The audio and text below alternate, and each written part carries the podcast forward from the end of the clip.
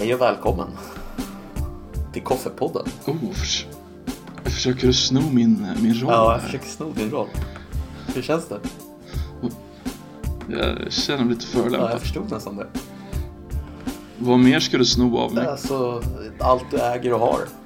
Hade jag tänkt. Successivt. Det är inte så jävla mycket så det är lugnt. Ja, det är samma här. Så det är, det är helt okej. Hur som helst, välkommen till Koffepodden med mig, Koffe, och dig. Nej, den. Koffepodden, en intellektuell ångvält som asfalterar din hjärnlob. Med eh, nylagd asfalt varje vecka. Du ska inte tro att du har en bubblig hjärna hos oss. I, hos oss är den helt jävla platt. Den blir som, som Flat Earth ungefär. Fast i hjärnan. Två, Det han försöker säga är att hos oss får du sanningen. exakt. Och hos alla andra poddar så får du inte sanningen. Det är en viktig distinktion där också. Det finns ingen annan podd som talar sanningen förutom denna podd. Möj, möj, Vad ska vi prata om denna vecka? jag bara säga det Koffe, att möjligen Alex, Alex Ja. Jones YouTube-program som gick förut men som tyvärr har försvunnit. De pratade mycket sanning, men förutom det, Det, det... ja, Åh, jag hatar att du tog upp Alex Jones för jag är väldigt intresserad av Alex Jones och nu vill jag prata om Alex Jones. vi måste prata om Alex Jones någon gång. Men inte det här avsnittet kanske. Du, du kuckar mig intellektuellt med Alex Jones du Ja, Då, då fortsätter vi i programpunkten och nästa programpunkt är att du ska berätta om vad vi ska göra denna kväll. ja eh, idag så tänkte vi prata lite om nyheter och det kommer bli mer nyheter i det här avsnittet än kanske det har varit på ett tag. Eh, och anledningen är väl helt enkelt att det har hänt mycket roliga grejer den här veckan. Vi tänkte prata lite om DN och Kinas reklam. Vi tänkte prata om Brexit. Vi tänkte prata om Justin Trudeau. Eh, vi tänkte prata om Moderaterna eh, och Liberalerna och KD som har hoppat av samarbetet kring gängvåld. Vi tänkte prata lite om klimatdemonstrationerna med Greta. Eh, Vi tänkte prata om amerikansk polischef på besök angående gäng och Moderaternas utspel om reklam i SVT. Samt om ett radikalare vänsterparti. Eh, Sen har vi lite andra punkter också som vi kommer ta upp eh, i relation till de här. Så att vi får se hur mycket vi hinner med och hur mycket det blir. Men någonting i den stilen blir det. Ska vi börja lite då med DN och Kinas reklam eller ska vi börja med något lite mer eh, enkelt? Jag tycker vi börjar med, med Kinas reklam här. Det tycker jag också. Brawler hälsar för övrigt. Ja, men då hälsar vi tillbaka till Brawlers. I alla fall. Vi fortsätter, tycker jag.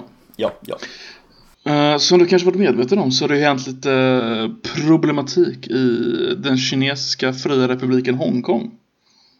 Eller den fria Ja. staden Hongkong. Det är, ju, det är ju så att de har haft lite eh, bråk med sin eh, huvudstad.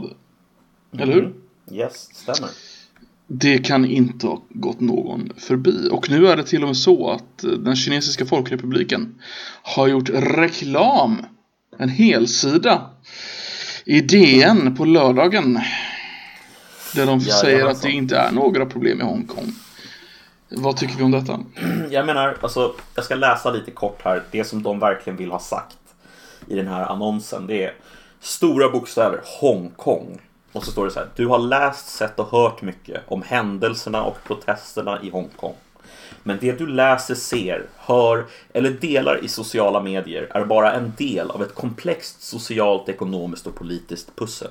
Ett pussel vi kommer att lösa på egen hand och det kan ta tid. Men vi är fast beslutna om att nå en fredlig, förnuftig och rimlig lösning. Mer eller mindre det här är då en reklam från Folkrepubliken Kinas särskilt administrativa region Hongkong. Men egentligen från det kommunistiska partiet, eller hur? Det, det ska vi höra till saken att 1997, fram till 1997 så var Hongkong en brittisk koloni. Och 1997 så gav de upp kontrollen till Kina. Varpå de hade kravet att Hongkong skulle vara självbestämmande i 50 år. Det är alltså, den som kan matte förstår att det inte gått 50 år sedan 1997 än. Nej, inte riktigt. inte riktigt. Men Kina har satt allt mer och mer krav på Hongkong att bli en del av det kinesiska eh, sättet att styra, sättet att vara. Ja, Och det, till det till väl- saken hörs, och kanske det är ganska intressant att påpeka, att när Hongkong blev en del av Kina så stod Hongkong för ungefär eh, vad var det? 15% av Kinas totala GDP var Hongkong. Hälften av all export gick via Hongkong. Idag står Hongkong för ungefär 2% av Kinas GDP. Mm. Helt plötsligt så är det inte riktigt lika intressant att hålla sig väl med, med folket i Hongkong. Precis, det har mindre eh, värde liksom helt enkelt. Exakt. Och då har alltså DN tillåtit eh, den ja, kinesiska regimen mer eller mindre att eh, göra reklam för, eller reklam, annons, helsida annons. Kan, kan vi inte själva- bara säga vad det är? Det, det är propaganda. Ja, givetvis är det propaganda. Det är, det är klart att det är propaganda. Eh, och det är propaganda då från den kinesiska regimen eh, mot hela världen egentligen. Jag kan tänka mig att det här är någonting som knappast bara har gått i svensk media utan den har säkert i olika varianter körts över hela världen. Föreställer jag mig. Ja, jag har faktiskt inte kollat upp det men jag måste anta det också. Ja, det, det, känns det, det är inte som att Sverige och Kina har någon speciell relation annars. Eller hur? Nej. Men, men det, som vi, det som jag fastnar för och det som jag tror du fastnar för också Koffe, det är väl egentligen att eh, det är väldigt intressant hur de, Dagens Nyheter och Peter Wolodarski resonerar kring varför man Mm. tillåter den här publikationen. Eh, och hur det rimmar med andra publikationer som man har, eller publiceringar som man inte tillåter. Som ni säkert har förstått så har det fått ganska, eh, och med ganska menar väldigt hård kritik för att ta in ren propaganda från en kommunist, eh, totalitär kommunistregim. Ja. eh, För att underblåsa ett, eh, ja, en demokratisk upp, eh, upplopp helt enkelt. Mm. Det är folk som vill eh, låta sig styra sig själva liksom. Mm. Men då tar DN in den här antidemokratiska propagandan. Men eh, hur, hur har Peter Wolodarski, DNs eh, chefredaktör, försvarat sig? Ja, alltså. nu ska vi se här. Nu ska jag läsa exakt hur han försvarar sig. Eh... en riktlinje för beslutsfattandet är att fokusera på innehållet. Att inte ta fasta så mycket på avsändaren i första hand. Någon specifik gräns är svår att sätta, menar han. Men exempelvis nazistiska våldsorganisationer skulle inte få annonsera i DN. Jag tycker att det är ett bra ställningstagande. Jag tycker till exempel inte att det vore nice om eh, NMR fick eh, publicera sina propaganda pieces i DN. Definitivt. Så det är ju bra. Men eh, det är också samtidigt rätt fascinerande att eh, man eh, inte tillåter SD att publicera reklam i DN men att det här är okej. Det är ju någonstans en... ehm, Ja, det är lite dubbelt åtminstone. Eller vad tycker du? Jag, jag blev lite fascinerad av det här du sa med NMR. Mm. NMR har ju ingen reell makt. Även om de har dåliga åsikter så har de ingen makt att göra någonting. Samtidigt så vet vi ju att eh, Kina har ju någon form av koncentrationsläger mot eh, uigurerna i eh, nordvästra Kina för att göra dem till kineser och eh, förstöra deras etnokulturella ja, ja, förstöra deras etnokultur helt enkelt. Det är ju ganska, alltså, där man sätter de grejerna emot varandra, vilket är egentligen värst, någon som är en dålig idé eller någon som gör något väldigt dåligt. Är den dåliga idén värre än den som faktiskt gör det? Ja men precis. Alltså det, det ställer väl den frågan på sin spets kanske. Mm. Um, alltså jag, jag vet inte. Jag, jag har svårt att förstå. Jag har svårt att förstå hur, hur de motiverar det här. Alltså de motiverar det med någon slags hellre fria än fälla, hellre tillåta än säga nej. Eh, det, det, han säger så här, det hör till vår liberala tradition att tillåta medan att stoppa är undantag. Jag tror att det är två grejer som spelar roll. Det ena är att DN blir relevant. För att det är där det händer, det är där det, du ser såna, alltså det, det blir, att DN blir en snackis är bra för DN. Mm. Och dels så är det pengar, de vill ha pengar. Alltså, är, är, är, alltså jag, jag har ju en tanke om det här också som är att det hade aldrig varit okej att till exempel pu- publicera material från Putin-regimen. Men det är tydligen okej. inte. Alltså jag, jag kan lätt se att DN skulle neka. För, alltså DN har ju tagit ställning i vissa frågor som har haft mycket att göra med alltså Ryssland och liksom frågor kring HBTQ och frågor, frågor kring eh, eh, vad heter det, Ukraina, alltså Krimhalvön och så vidare och så vidare. Eh, jag har svårare i alla fall att se att DN skulle tillåta en eh, piece från eh, Ryssland än från Kina. Jag måste säga det här, 2013 när eh, Obama var så närmast att invadera uh, Syrien mm. så tog New York Times emot en ledarsida av Putin. Just det, det är fan sant. Det är mm, en hel jävla ledarsida. Uh, så jag, det hade inte, alltså jag tror att DN skulle acceptera en, en ledarsida av Putin. Jag, tror, jag vet inte om de skulle acceptera en, en reklam så här rakt upp och ner som står oemotsagd. Men en ledarsida är ju en annan grej. Den är, mm. alltså, den är ju explicit vinklad. Så jag, jag tror de skulle acceptera en ledare. Det tror jag också de skulle göra faktiskt. En ledare skulle de nog kunna tänka sig. Ehm, det känns mm. inte som någonting som DN skulle säga nej till. Men en annons där det står till exempel Säg istället för att stå Hongkong så står det så här HBTQ eh, Du har läst, sett och hört mycket om händelserna och protesterna i Moskva. Men det du läser, ser, hör eller delar i sociala medier är bara en del av ett komplext socialt, ekonomiskt och politiskt pussel. Ett pussel vi kommer att lösa på egen hand och det kan ta tid. Men vi är fast beslutna om att nå en fredlig, förnuftig och rimlig lösning. Alltså kan du se det hända? Jag kan inte se att de tar emot en, en uh, ren propagandaannons av Ryssland, nej. Jag har otroligt svårt att se det också alltså. Eh, samtidigt, jag kanske, mm. Jag kanske bara inbillar mig att det är så. Men är, är det för att vi är närmare Ryssland? Alltså det är ju det är våran bakgård så att säga. Så det, det berör oss på ett annat sätt än Kina. Alltså vi, I grund och botten, folk i Sverige bryr sig inte om kineser. Jag tror du har helt rätt. Jag tror det handlar mycket om det.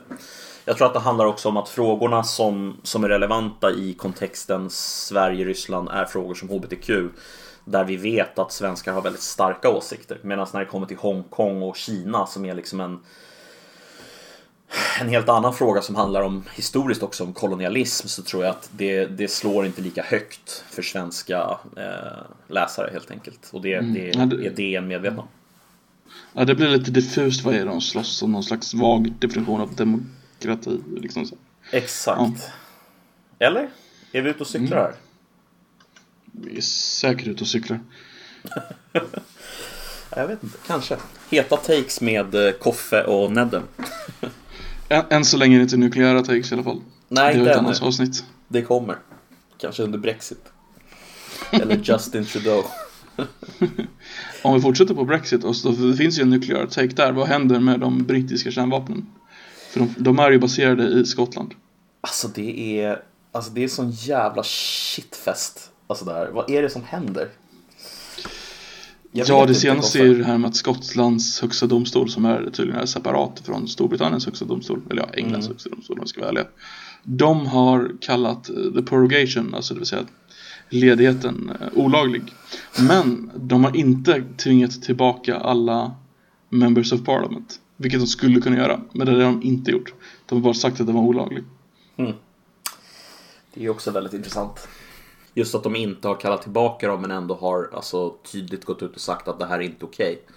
Det tycker jag är, det är någonting intressant med det ändå. Um, vet inte vad det säger men försiktigt.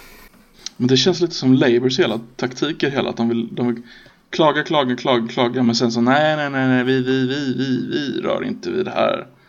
Det har varit Labours taktik. För de, de, de, de är ju inte ett klart anti-Brexit, de är inte klart Remain-parti heller. Alltså de, de, är, de är inte, de har liksom verkligen kört mitt emellan hela, hela vägen och låtit uh, Tory ta skiten. Ja, alltså de, jag tycker det känns som att de har tagit den här principen om att låta din motståndare skjuta sig själv i foten lite för långt nästan. Alltså det, det är en bra taktik men det känns som att eh, det kan vara så att det här läget kanske kräver någon annan taktik ändå. Eh, än att bara liksom hoppas på att Tory ska göra bort sig ännu mer, vilket de såklart gör men alltså jag vet inte hur länge de kan göra bort sig eh, utan att någon gör någonting annat. Alltså det roliga med den här nya Fixed Term Parliamentary Act Ja. Det är ju att de måste ha Labours godkännande i och med att de är så stora Mm. för ett nyval. Och då kan Labour bara sitta där och låta Tory skjuta sig själv igen och igen och igen och Mm. igen. Mm. Vilket, de har, vilket uppenbarligen är deras taktik. Ja, jo, det, det verkar ju som det. Jag måste, jag måste berätta att jag pratade med en britt här i veckan, en, eh, en kursare till mig. Eh, frågade honom lite om, om vad, han, vad han tror om, om Brexit och sådär. Och han menar på att eh, han är övertygad om att det blir en hard Brexit nu. Det är, han är nästan säker. Och hans anledning är för att han tror helt enkelt att det är det Tories har velat från början. Eh, ha en hard Brexit och att de kommer se till att det blir en hard Brexit, kosta vad det kosta vill ungefär. Eh, Jag tror inte att det var vad alla Tories ville, men jag tror att det var de som Tories som är kvar vill. mm. Jag tror inte May ville ha en hard Brexit. Jag tror hon var jätterädd för en hard Brexit. Ja, men jag menar kolla på typ, eh, alltså hela det här eh, hard Brexit-gänget som existerar inom Tories. De har varit väldigt tysta de senaste eh, veckorna. Och anledningen till att de är tysta tror jag är för att de håller på att få precis som de vill. Och då är, då är det Det lätt att vara alltså- tyst. Jag håller med dig. Det jag säger är att det är de som är kvar. Ja, jag de som med. inte ville ha en hard Brexit är utkastade. Ja, precis. Och så är det ju. Um, fan, vad kommer det här? Kom, det kommer sluta i en hard Brexit, eller hur? Mm. Det är ju en månad och en vecka kvar nu. Och det är tre veckor till de samman, nästa sammanträde med brittiska parlamentet. Det var ju till och med så att det är en, en grupp av, de är ju så rädda, alltså, jag tror det var Lib Dems eh, som var så rädda för en hard Brexit att de nu har försökt att återuppliva eh, Mays deal och försökt ha en till omröstning om den. Alltså, Det skulle alltså bli fjärde omröstningen om Mays deal. åh. Men de, de ser vad som är skrivet på tapeten. Mm. Vi går mot hard Brexit, de vill inte ha en hard Brexit. Ja. Det här är liksom ett desperat försök. Herregud, alltså det här, det här kan sluta vart som helst känner jag. Mm. Ehm, Alltså jag, jag tror fortfarande att det är backstoppet som gör det. du tror det? Ja, alltså skulle, skulle EU bara, nej men vi vill inte ha ett back, vi, vi kan acceptera någon form av icke-backstop. Så tror jag att EU kunde, ett UE Alltså varför blandar jag alltid ihop det här? Det stör mig som in i helvete. Men då, om EU skulle kunna ta bort backstop så att UK skulle kunna gå med på nästan vad som helst. Alltså, De, alltså de har röstat om sin suveränitet. mm. De har inte röstat om ekonomi, de har röstat om sin suveränitet. Backstop tar bort UKs suveränitet. De kan inte godta det. men, det måste du, EU acceptera. men tror du inte samtidigt att alltså, det finns ingen chans att, att EU kan tänka sig att backa på det? Det vill säga att vi, det är en situation där handlingspositionerna är så låsta så att det liksom blir inte, det, det går liksom inte ens att eh, tänka sig att det ska eh, kunna funka i slutändan. Och få ihop det. Att handlingspositionen är så pass låg. Alltså jo men det är väl antagligen det som är grejen att Irland är ju jätterädda. De har ju ingen väg in i EU förutom via England. Om inte en jättejobbig båtväg då till eh, Britannien i, i norra Frankrike. Eh, och jag, vad är det? Är det inte nästan hälften av Irlands eh, export som går till England eller något sånt där sjukt?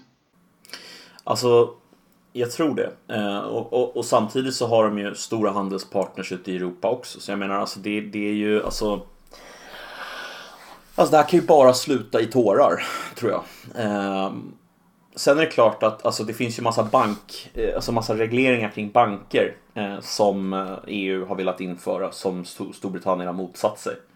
Och de kan ju vara en bidragande faktor. Alltså tänk dig City of London och hur mycket pengar som genereras i City of London. Alltså det är ju oändliga mängder pengar liksom.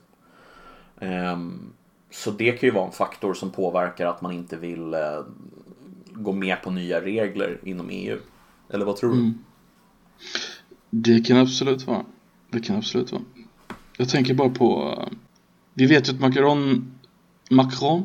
Macaron? Macron, Ja, Macron, Makaronen, säger vi. Makaronen.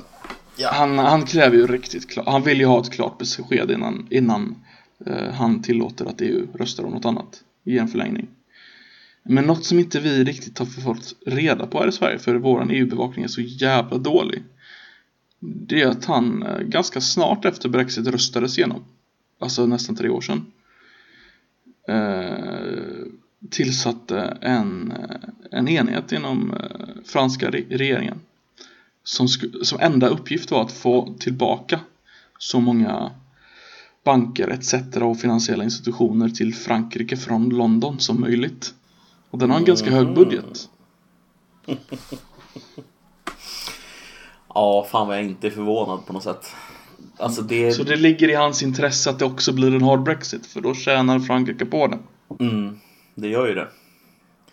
Alltså det, det är det här som är så sjukt, att, att alltså det, det finns det finns både vinnare och förlorare på det här eh, inom, inom länderna. Alltså den, den, den så att säga, den, nu ska jag prata klass här, men jag brukar inte prata klass så mycket, men, men den klass som ändå består av någon slags tjänstemannaklass, alltså där du har folk som har white collar jobs.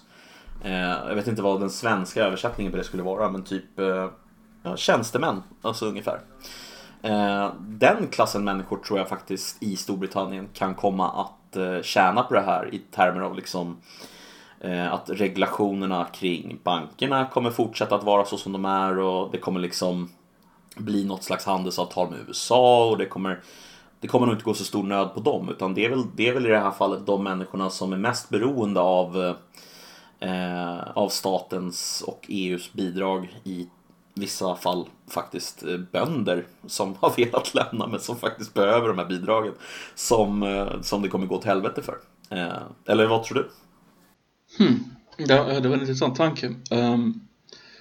Alltså det vill säga att det slår, det slår väldigt olika helt enkelt. Väldigt stor del av EUs uh, just bondebidragsbudget, Common Agricultural Policy, går Exakt. till Frankrike. Mm -hmm jag vet inte hur stor del av den går till England eller Storbritannien. Um, men det är klart, om inte de kan exportera sina varor så blir de ju fast i Storbritannien. Ja. Däremot så vet jag inte, alltså, om, alltså den här middle manager skiten som du pratar om, alltså white collars, det beror mm. ju helt och hållet på vad de får behålla. Absolut. Lämnar Lehman Brothers etc. Storbritannien, England, så då blir de ju fucked. Mm. Jo, så är det ju. Men jag, alltså, jag vet inte, jag har svårt att se... Alltså så här.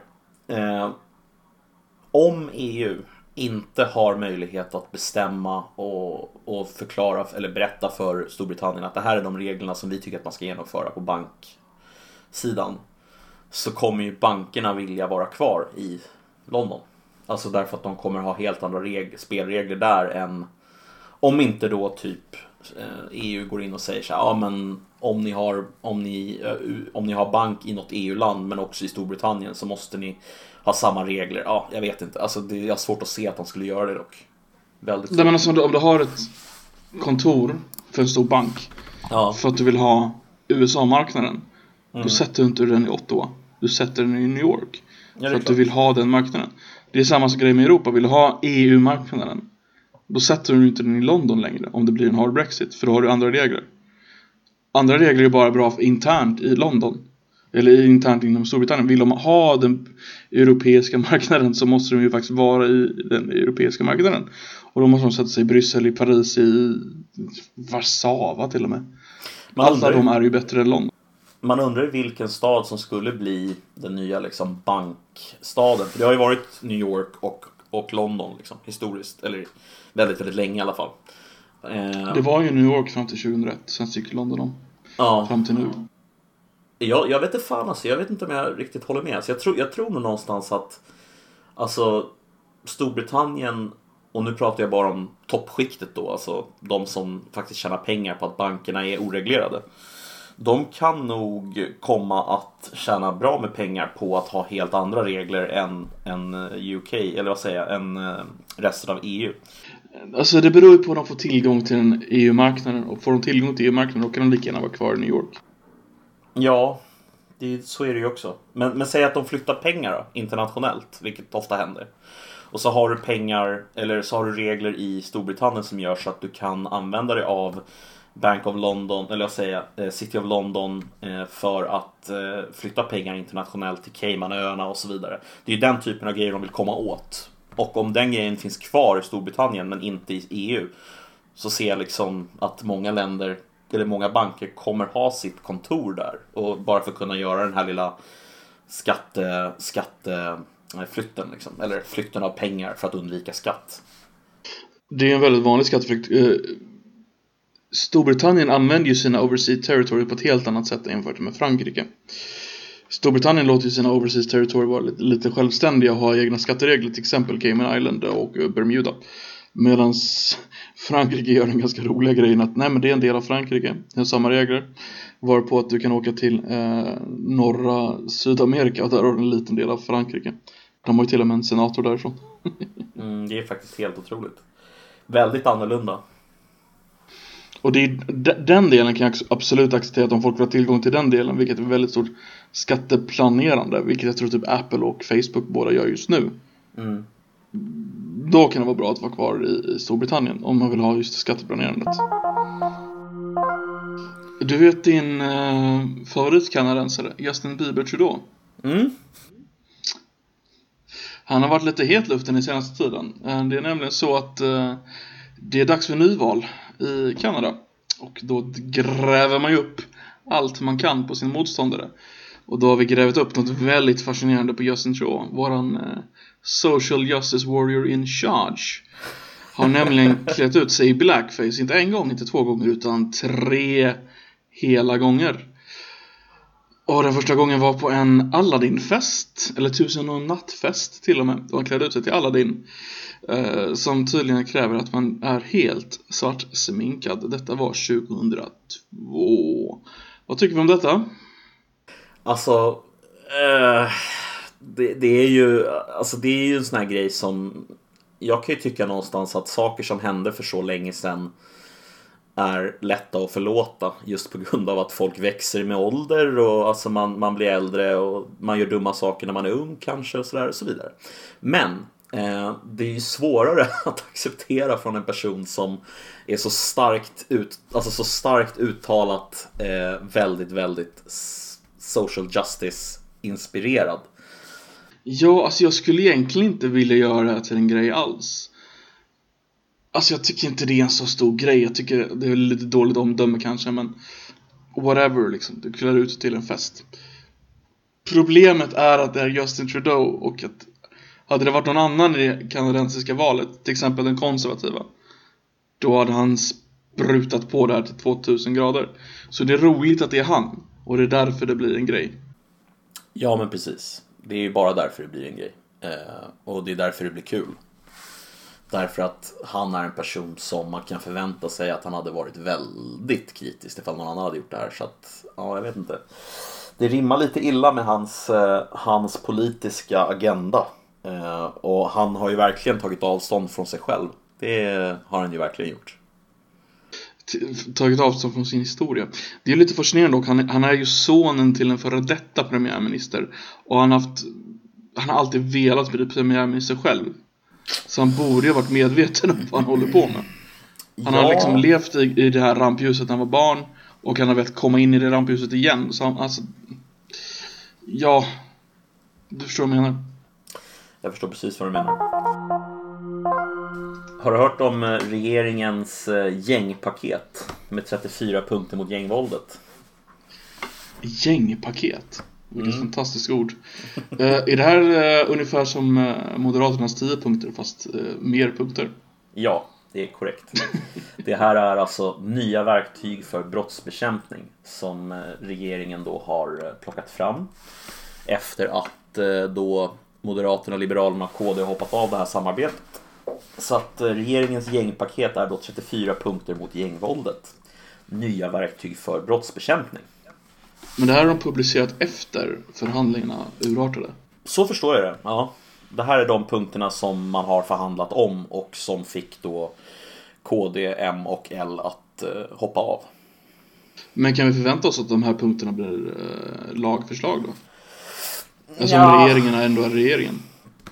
Alltså det, det, det är en bra fråga. Jag tror att de kan nog komma att bli det. Eh, men samtidigt så tror jag att eh, Alltså så här säger de. Förslagen som presenteras ska enligt Mikael Damberg innehålla andra partiers förslag från samtalen. Vi väljer att presentera alla förslagen trots att samtalen sprack.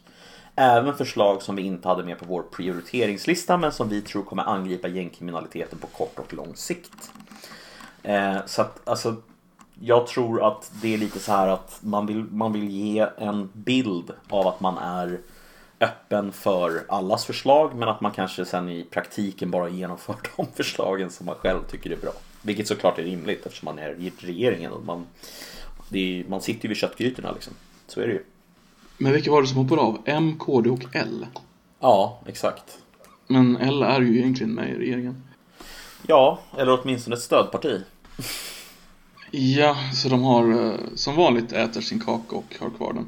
Mm. Men vi kan, väl, eh, vi kan väl eh, snabbt gå igenom de här punkterna och se om det är något vi tycker om och kanske inte tycker om.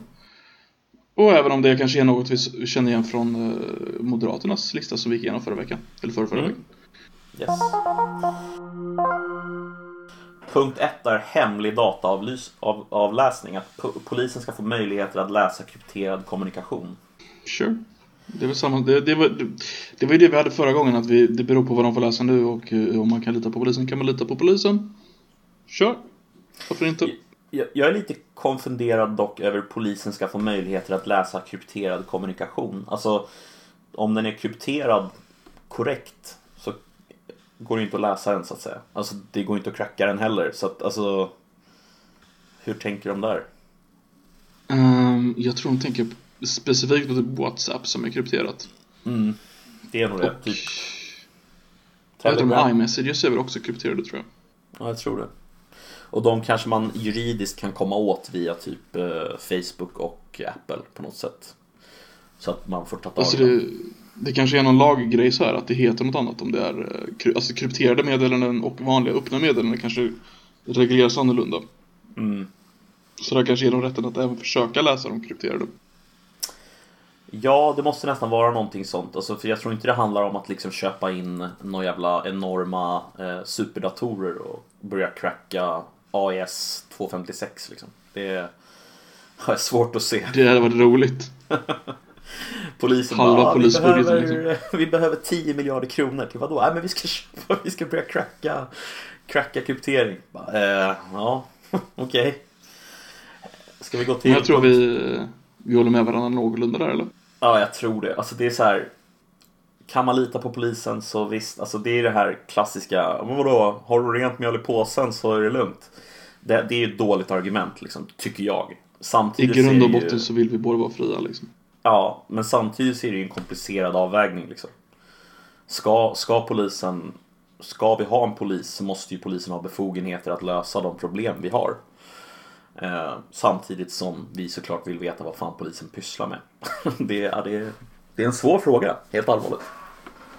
Alltså det måste ju vara någon slags domstolsorder bakom det. Så har polisen sannolika skäl att att någon kommunicerar med en terrorist via WhatsApp så ska de för fan kunna läsa WhatsApp också. Absolut, det håller jag med om. Definitivt. Definitivt. Det jag skulle ha någonting emot det skulle vara om de hade möjlighet att avkryptera eh, på väldigt, väldigt, väldigt ringa brott också. Bara för att liksom. Bara typ dra en liten en liten grej här till Facebook. Bara, ja men avkryptera den här konversationen, vi vill se vad det står. Det hade ju varit... Mm. Men om det är seriösa grejer så absolut. Ja, så länge det inte är slentrianmässigt liksom, så är det lugnt. Nej, precis.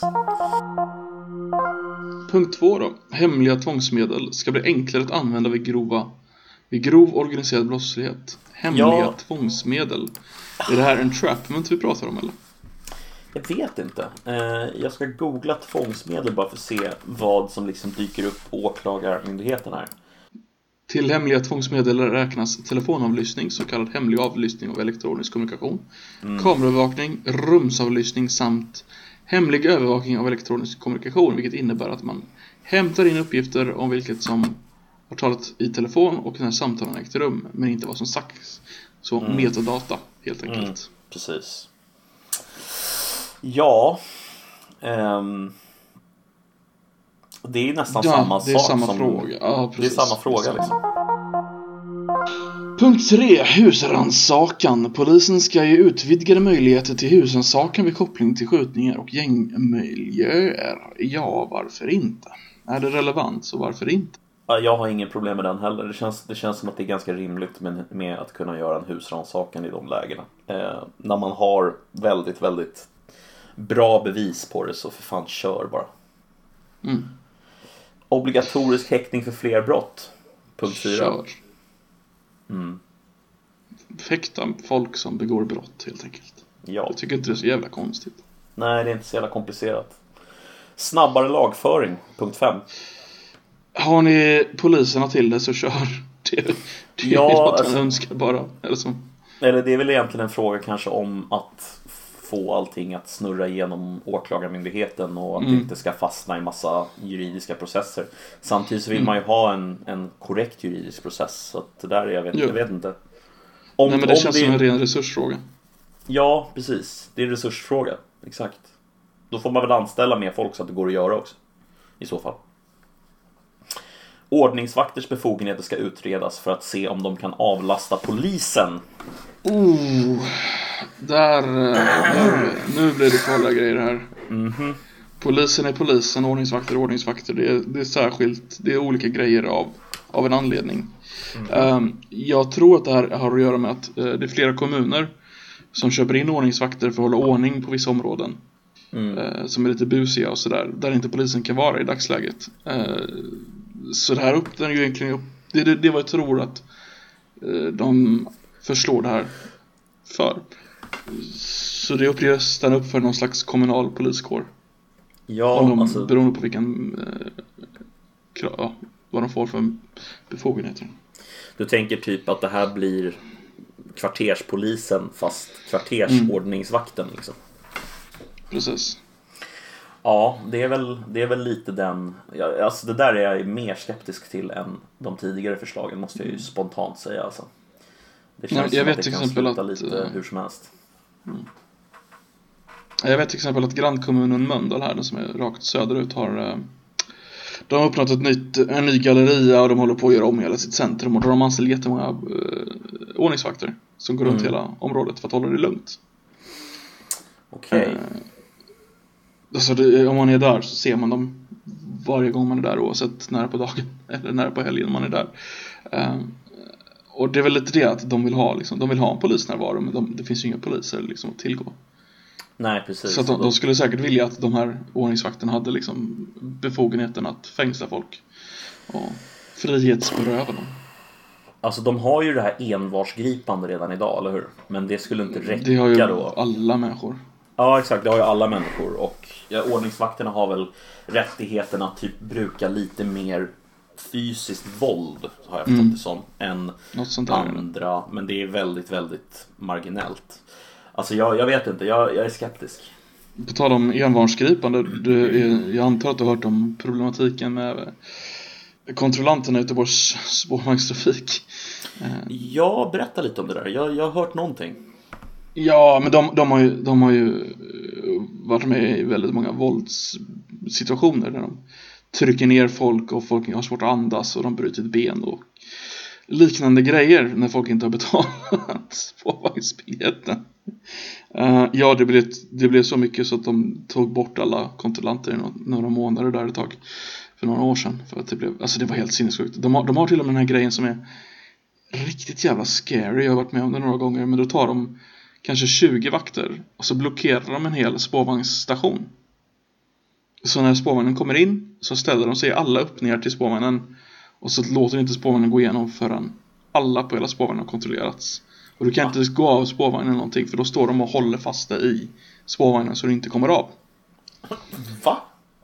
Ja. Tekniskt sett så äger tydligen Västtrafik marken där spårvagnshållplatsen ligger så de har tydligen rätt att bla bla bla göra det. Säger de.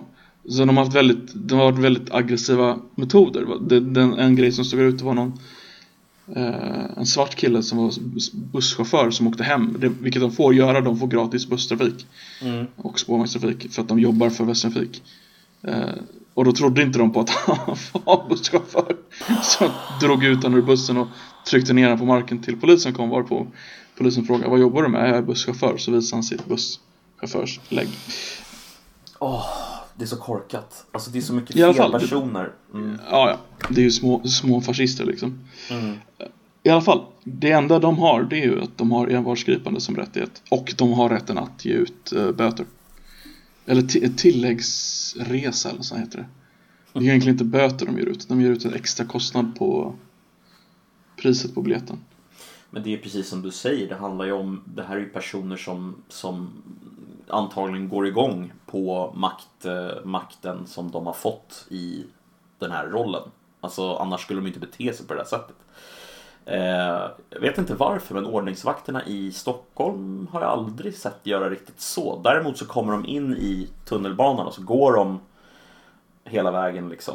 Och ja, de, de frågar ju alla och de stannar ju vid alla personer. Så är det ju. Men jag har aldrig sett dem liksom blockera en hel eh, tunnelbana. I och för sig, det kanske är omöjligt just för att det är en tunnelbana, den är mycket, mycket längre.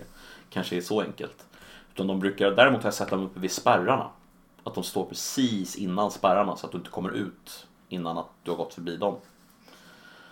Eh, men det är tydligen inte lagligt. Eh, det var någon jurist såg jag som eh, Eh, jag kommer inte ihåg vad det var. Han, han hade något så juridiskt argument för varför de inte får göra det. Eh, och det var ingen annan jurist som jag såg på, det här var på Twitter då, som kunde komma med något argument mot det han sa. Men det han sa var mer eller mindre så här, de kan inte stoppa dig.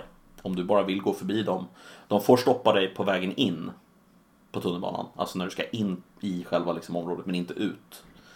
Eh, om du säger bara typ så här, nej jag, jag, jag erkänner inte er rätt att, eh, att röra mig ungefär. Alltså det låter som någon amerikansk idé om du vet sovereign citizen. Det är inte alls inget sånt. Ja, men grejen är att, för, och, och de, jag antar att de har samma makt som Göteborgsvakterna.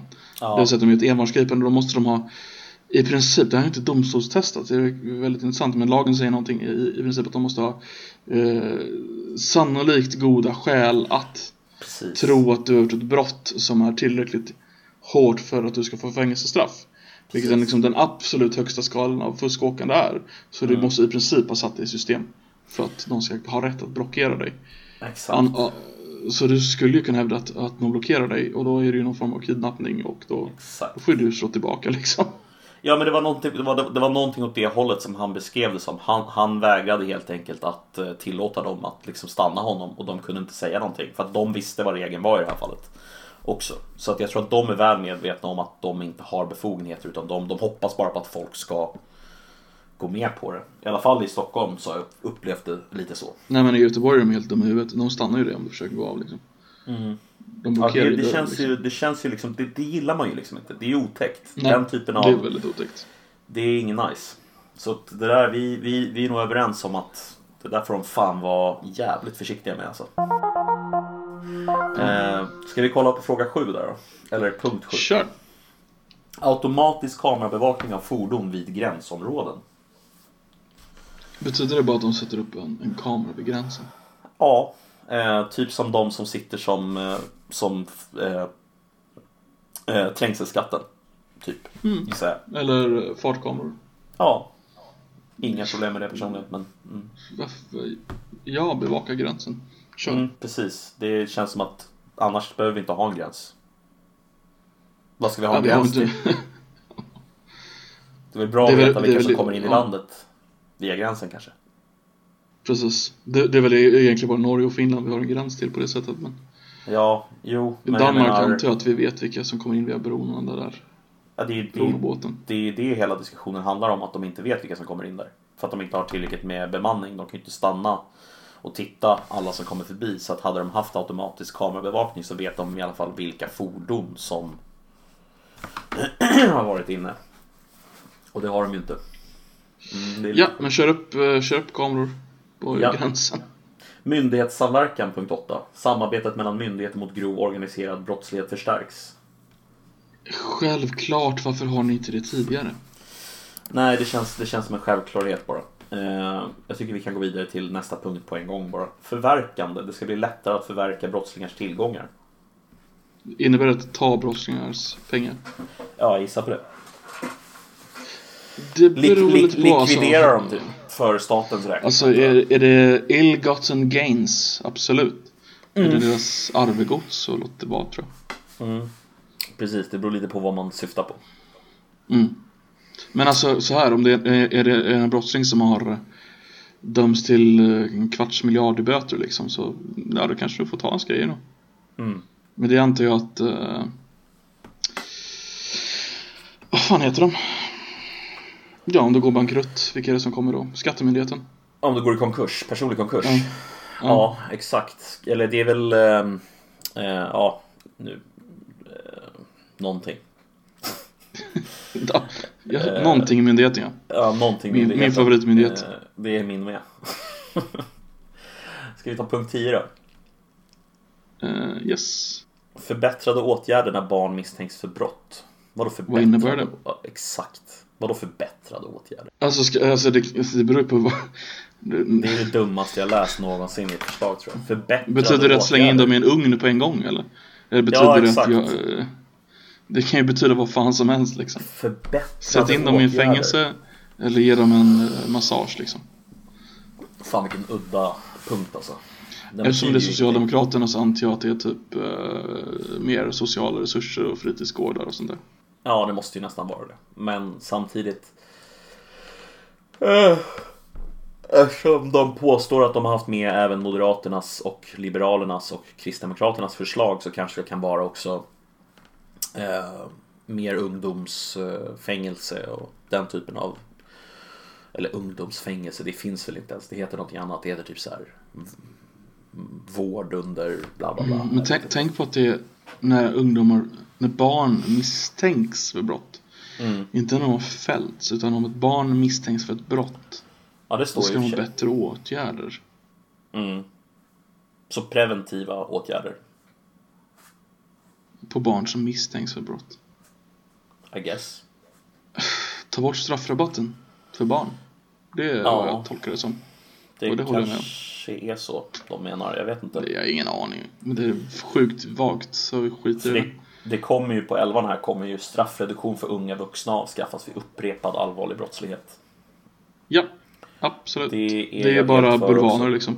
Ja, det är bara ett sätt att komma runt eh, problemet med eh, jag kan tycka att det är helt absurt egentligen att det är okej att begå upprepat allvarlig brottslighet om och om, om, om, om igen. Alltså som den här uh, Uppdrag granskning-grejen som var i Ja, veckan. det är ju Af- afghanen. fan helt, ja, det var helt sjukt. Vad var det? Hur många brott hade han begått? 244 vill jag minnas.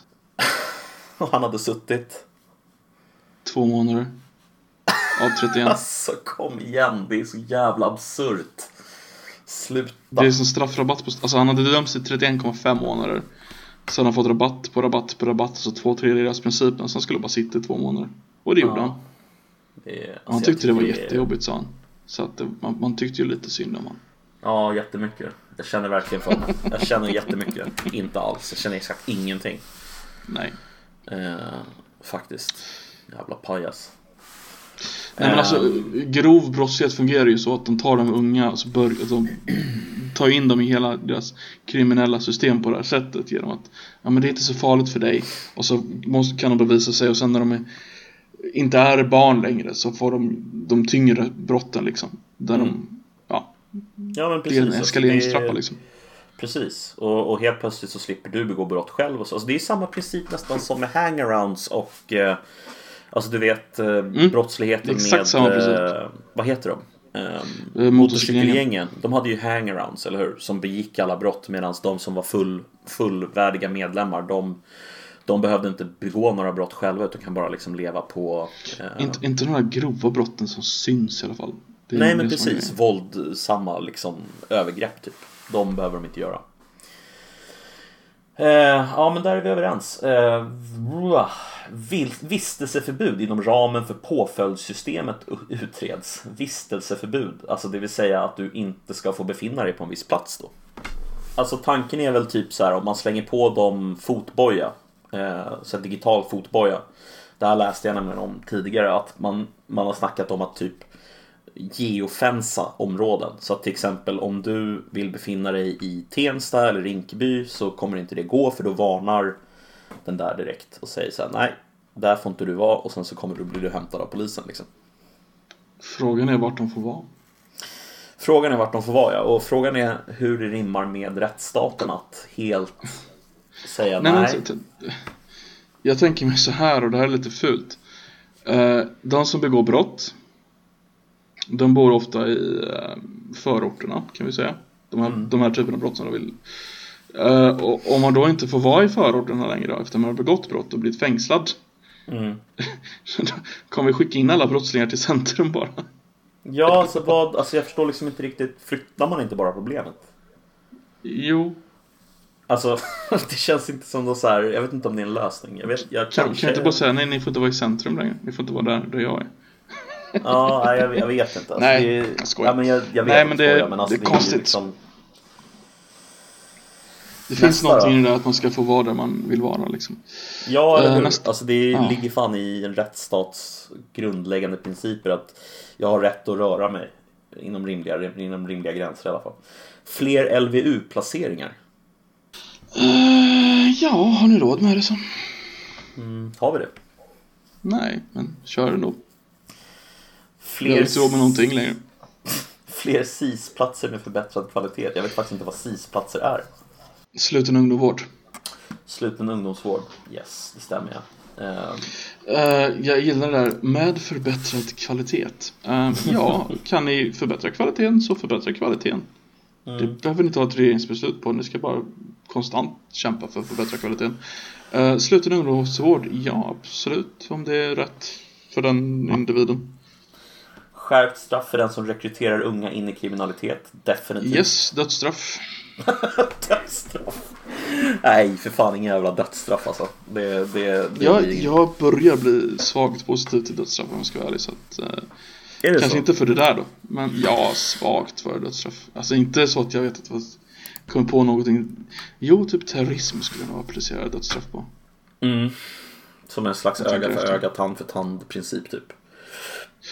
Ja, men någon slags riktig rättvisa liksom. Alltså det är en rättvisa som är rättvis liksom. Mm. Det är inte, det, men du kan inte rehabilitera alla. Och jag vet inte, jag tror inte riktigt på att det är um, idén om att det skulle liksom vara, vad kallar man det? Ehm, tänker du på det här att det skulle liksom vara en... eh, en- Avskräck, jag tror inte det är avskräckande egentligen med dödsstraff. För att de som Nej. begår någon typ av brott som där man skulle applicera dödsstraff på skulle, de är nog i en så pass situation att de skulle begå dem ändå. Mm. Men jag tror ändå det kan vara rätt moraliskt rätt med dödsstraff i vissa extrema fall. Seriemord och sånt där till exempel. Mm. Ja, alltså jag, jag hade lite problem med, du vet när, eh, eh, vad hette han som sköt massa människor med en eh, AK5? Eh, Mattias Flink, hette han så? Torsten Flink. Torsten? Men han sköt inte fl- folk med AK5.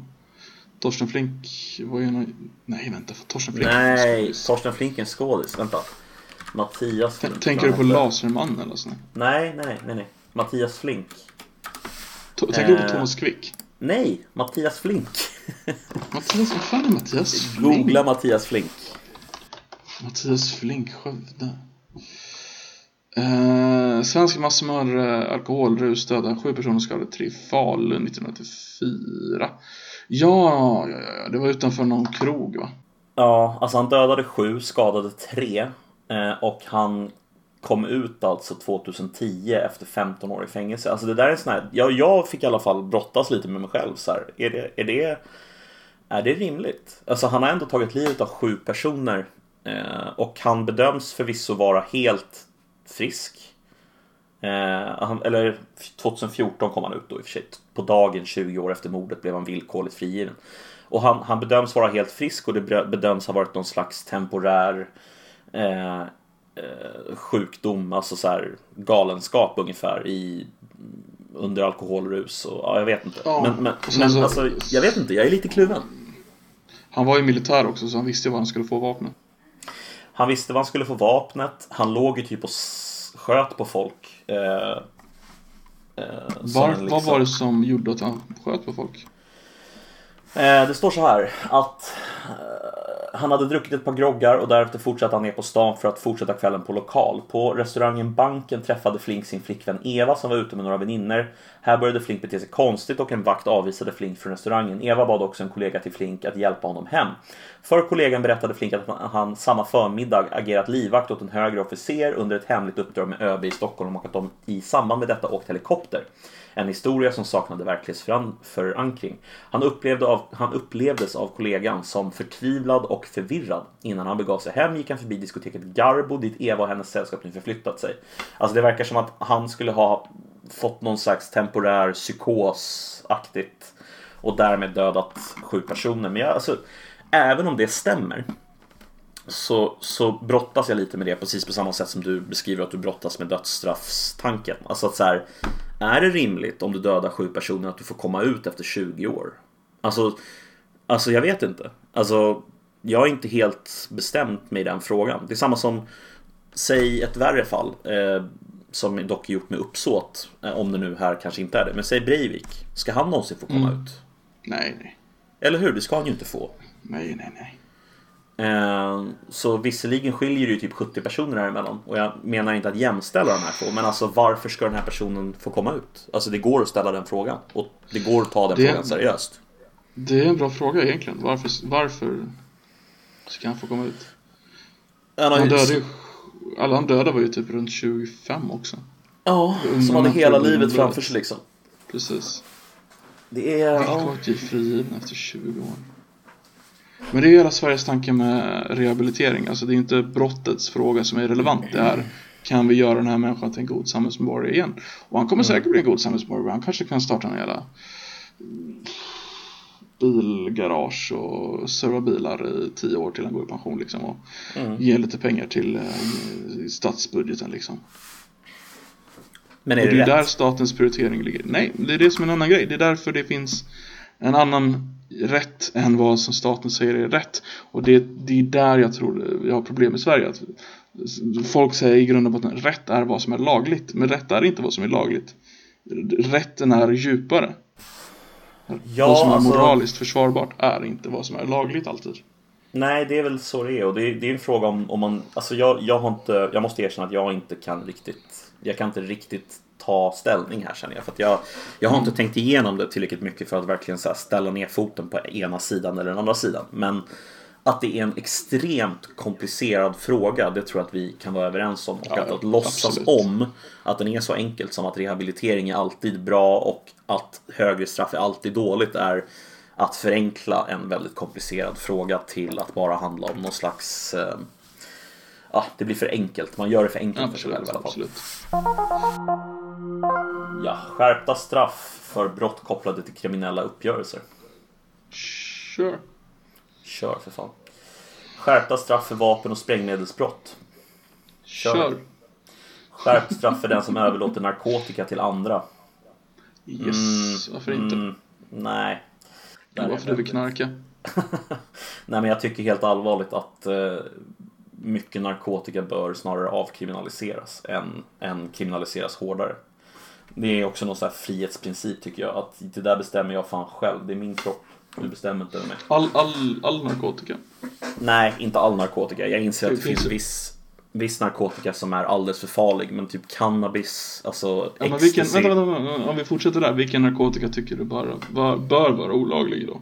Alltså heroin. Tu- ja men tyngre droger. Alltså så här heroin. ehm, eh, ska vi säga mer? Amfetamin möjligen.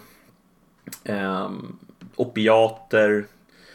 Eh, de kanske ska vara olagliga fortsättningsvis eller åtminstone bara avkriminaliserade. Men jag tycker att till exempel cannabis, vissa hallucinogena droger eh, tycker jag skulle kunna vara lagliga helt enkelt. Av den enkla anledningen att Men, det är fan ursäkta jag någonting som avbryter det här men du, du, du säger ändå att vissa droger ska vara olagliga. Mm, definitivt. Vad Eller, ja, tänker du jag om säger, jag ty- säger, tyngre straff på de drogerna då? Eller för... Alltså i till exempel fallet med heroin så är det ju att det finns ett fysiskt beroende som är så farligt och så starkt så att du kan dö av det. Ja Och men alltså, att om vi fortsätter att ta den här som vad de sa. Skärpt straff för den som överlåter narkotika till annat. Skärpt straff för den som överlåter eh, heroin till en annan person. Mm, det är okej med. Det är okej med. Men- så det är bara för men- de, det är okej med grundtesen men du, har, du vill bara ha en annan definition av narkotika helt enkelt. Ja, precis. Jag tycker inte att vissa av de sakerna som idag ingår i den definitionen bör ingå i den definitionen. För att det blir väldigt, alltså det blir ungefär som att säga så här. Ja men allt inom det här spannet är samma sak. När det egentligen är så här, okej, allting som är längst bort till vänster på det här spannet och allting som är längst bort till höger, det är olika saker. Alltså det är väldigt, väldigt olika saker med heroin och cannabis, är du med? Alltså det är inte samma sak. Eh, så Jag jag, kan, jag kan tycka att det blir lite så här. Det blir lite för eh, svart eller vitt när det egentligen är en, väldigt mycket en gråskala. Yes, villkorlig frigivning kopplas till deltagande i återfallsförebyggande åtgärder. Ja, för inte. Nej, ja, det kan väl vara vettigt. Alltså villkorlig frigivning är ju faktiskt villkorlig på någonting. Så att alltså... Det är Ja, du ska ju problem. egentligen fortfarande vara fäll, vara- sitta där. Du har ju kommit ut på förhand. Ja, exakt. Och då kanske man kan ställa vissa krav. Utan att det är orimligt. Ung, ungdomsövervakning, ny påföljd som införs. What? Ingen aning om vad det innebär. Nej, inte jag heller. Ehm, svårt att ta ställning till. Japp. Straffansvar för falska uppgifter i polisförhör utreds. Det vill säga att du får inte ljuga i förhör. Ja, det är väl ganska rimligt. Ja. Eller? Det, är fascinerande. Det, det innebär ju att det är lagligt att ljuga i polisförhör idag. Ja. Det är lite intressant. Mm. Men, Ja, men, men man, jag- men man kan ju begå mened, eller? Vad är mened då, i så fall? Det står ju så här. Mened är inom flera länders rättssystem ett brott varigenom den som angivit vittnesed inför domstol sedan i sitt vittnesmål ljuger. Och mened är väl så vitt jag vet någonting som man kan begå i Sverige. Eh, ja. Jo, men det här är ju Eh, i, eh, i domstol, ja. Det här är ja, inte domstol. precis. Nej, det här är ju precis. en Det här är... polisförhör. Okej. Eh, I polisförhören alltså redan. Inte bara när du har en jurist med dig som du liksom i domstol. Okej. Ja. Jag vet inte. Alltså det är ju, det är ju polisförhören det gäller egentligen. Det är ju då som tiden är knapp liksom. Precis. Det är då de måste samla alla brott. Och alla bevis. Så ja, varför inte?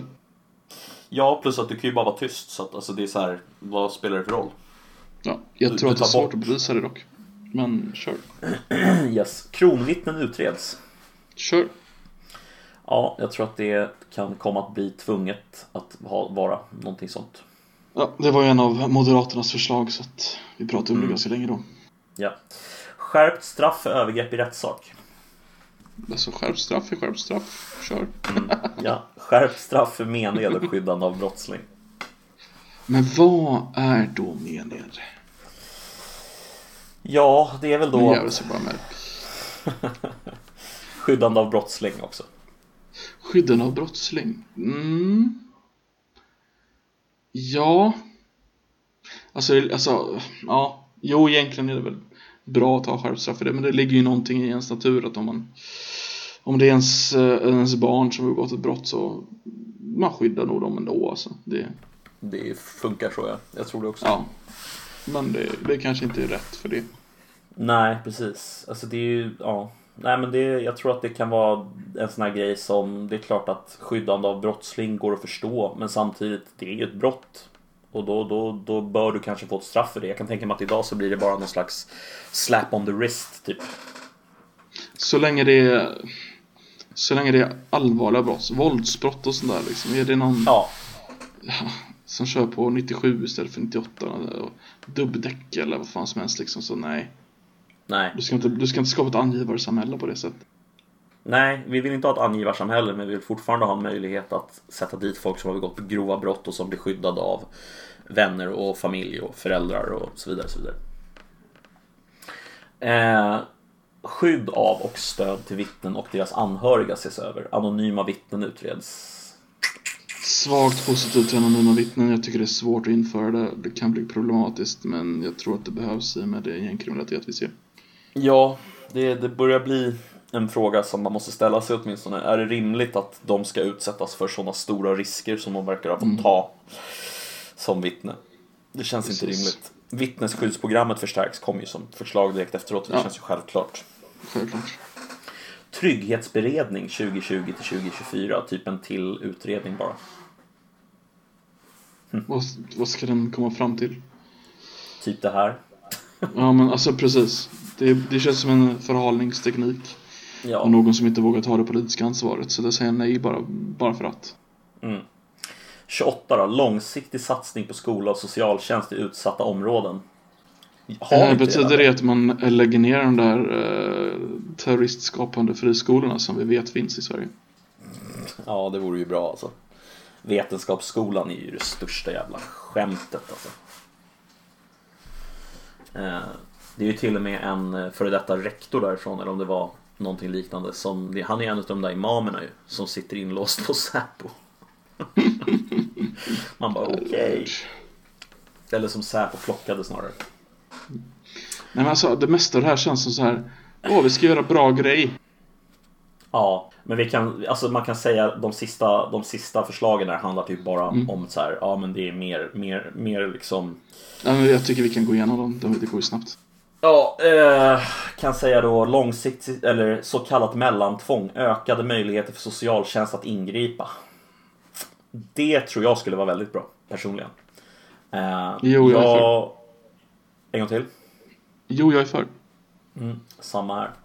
Socialtjänst på kvällar och helger i utsatta områden och fler sociala insatsgrupper. Ja, men själv, har ni pengar till det så kör. Ja, visst, men det är så här. Så länge som det inte bara blir en till motsvarighet till Lugna Gatan eller något sånt där jävla Ja, patetiskt skräp som inte funkar. Eh, Nej men det, kom- det, ja, det är så här, ska vi försöka det här? Ja, försök det, se om det har någon förbättring så fortsätt med det. Funkar det inte så skit i det. Men jag tänker samtidigt att det alltid- det finns alltid en alternativkostnad. Alltså man skulle kunna spendera pengarna på någonting som har en bevisat bättre effekt liksom. Ehm, vad tycker du om det? Så, så. Ehm, vad, är, vad tänker du specifikt? Nej, jag tänker inte på något specifikt. Jag tänker, jag tänker att liksom att man har testat många av de där sakerna. Tycker Ja, jag du för- menar att om, om vi, vi kan sätta Lugna Gatan-idén mot uh, fler poliser, då skulle jag hellre ha fler poliser. Ja, exakt. Alltså du, du, du måste ju välja liksom. Det finns inte oändligt Ja. med pengar. Så att, alltså, det kanske Nej. inte är världens bästa förslag liksom. Kommunens brottsförebyggande ansvar utreds. Det har jag ingenting Ja. emot att de utreder det, nej. Det är mycket som läggs på kommunerna i dagens Sverige som inte kommunerna orkar med. Så är det i och för sig. Däremot. Det är jävligt sant. Skolverket och Socialstyrelsen ska ha, Socialstyrelsen ska ha samordnade insatser för barn och unga i riskzonen. Det läggs för mycket på skolan i dagens Sverige. Håller med. Däremot, om du, du kanske märker att någon unge är brottsling. Mm. Alltså, du umgås ju ändå med det varje dag liksom. Som lärare. Så det ska, finnas någon, det ska finnas någon slags möjlighet att angiva barnet. Ja, det låter ju, det Mm. låter ju hemskt men samtidigt är det ju så här, alltså det är ju för deras eget bästa. Alltså, Ja, jag visste ju, jag, när jag gjorde min, en del av min praktik eh, så träffade jag ju på många elever, inte i den skolan som jag var nu senast, men när jag jobbade på en annan ställe. Som var liksom helt uppenbart hade liksom lite kriminella kopplingar och sådär. Och eh, ja, det, det kanske man skulle kunna lyfta upp till polisen. Jag vet inte. Eh, åtminstone ge dem information så att de håller ett öga på dem. Nu vet jag att det finns visst samarbete redan men det är, kanske skulle kunna bli djupare. Eh, införa ett nationellt avhopparprogram. Vad skulle det innebära? Eh, jag gissar bara nu, men det skulle väl innebära att eh, man lättare kan eh, hoppa av gängkriminaliteten och gänget och få skydd i utbyte mot eh, information. Det känns som ett vittnesprogram egentligen fast Ja, lite så va. Ja, det där är lite så här. Jo, det kan väl vara bra. Eh, om man vet att det har effekt. Jag vet inte, det kanske inte har det. Det känns som vi Effektivisering. behöver någon um, quid pro quo. Ja, exakt. Effektivisering av arbetet mot penningtvätt. Det är sista förslaget. Jag tror att det innebär att den tar bort alla kontanter. Ja. Så det är inte Det, för. nej, det är inte jag heller för. Eh, Men däremot så håller man ju på att införa digital valuta i termer av eh, Riksbankens e-krona. Eh, Jag tycker det är så jävla konstigt, jag förstår inte riktigt vad det innebär. Jag kan förklara tror jag. Tanken är att eh, de ska fungera som kontanter, digitala kontanter ungefär som bitcoin. Alltså i den meningen att det ska inte gå att spåra lika lätt vem som har använt vilken krona liksom. Eh, det är inte liksom en digital överföring på det sättet som ett kort, en korttransaktion är där du kan spåra bakåt exakt vem som har gjort vad utan det är liksom en faktisk eh, det är från en digital adress till en annan digital adress. Det är pseudo-anonymt. Är du med? Eh, som jag har förstått det så vill man att det ska finnas möjligheten för, jag tror i alla fall det, att det handlar om att man, man inser att vissa pengar måste få flöda lite mer mellan raderna typ. Jag spekulerar nu men Alltså Casino till exempel. Varför finns kasino? Och varför, är, varför har vi ett monopol på kasino?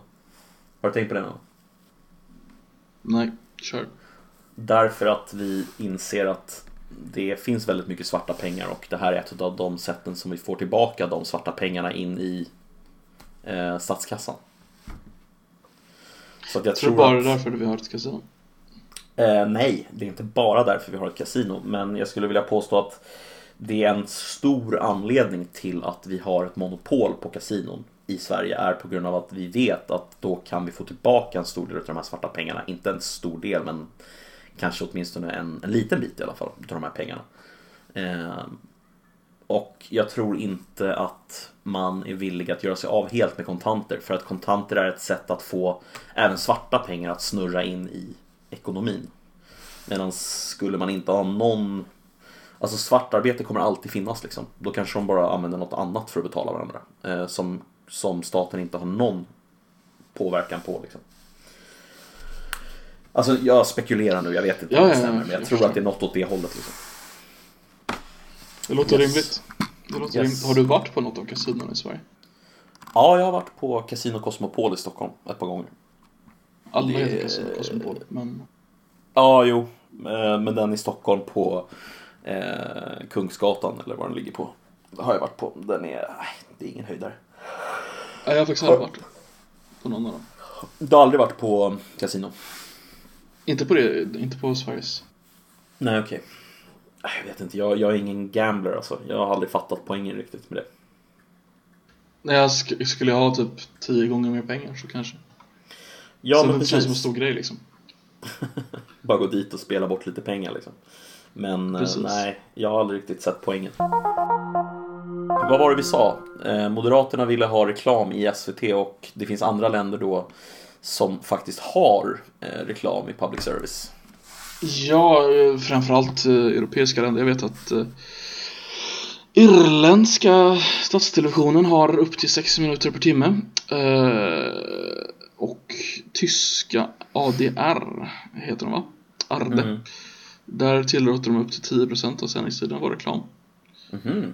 Okej. Eh, däremot så var det ganska intressant. Eh, franska statstelevisionen, den har reklam. Men de har på uppdrag att fasa ut reklamen. Okej, det är intressant. Det är väldigt många i alla fall av de europeiska statstelevisionerna och statsradiokanalerna som har reklam, helt enkelt. Hade Jag vet inte om du har sett det, lite, det har varit lite, lite snack om det, att Moderaterna sköt sig själva i foten. För nu kommer inte SVT ha råd att göra Melodifestivalen längre. Och Moderaterna gillar ju Melodifestivalen. Och det är ju bara skitsnack. Det är bara idioti. Alltså det är ju det Alltså- tv-programmet i Sverige som har mest tittare. Så även om vi bara, vi, vi, vi accepterar idén att SVT inte skulle ha råd att sända Melodifestivalen. TV4 skulle ju fan lägga ner nyheterna och Idol och eh, Godmorgon Sverige liksom för att få sända. Ja, visst fan är det så. Och jag, jag, skulle göra att, allting. jag tror ett av kraven för att få sända public service är, eller vad säger jag? Få sända Melodifestivalen är att man är ett public service-bolag dock. Men där kanske till och med TV4 skulle kunna kvala via någon konstig klausul eller någonting. För de har ju varit en del av det där. Det är faktiskt inte ett krav. Eh, Kravet är att du är med i EBU. European Ah, Broadcasting Union. okej, Och där okej. är TV4 med. Det är därför de sände eh, små, alltså barn, det finns ju en barnversion av eh, Eurovision. Ja, Och TV4 har ju haft den i flera år. okej. Eh, vilket gjorde SVT jättearga något år så de startade Eurovision, eller mm, Junior Grand Prix, Junior Song Grand Prix som bara var för Norden. För att konkurrera då, när TV4 fick rättigheterna för eh, Junior Eurovision.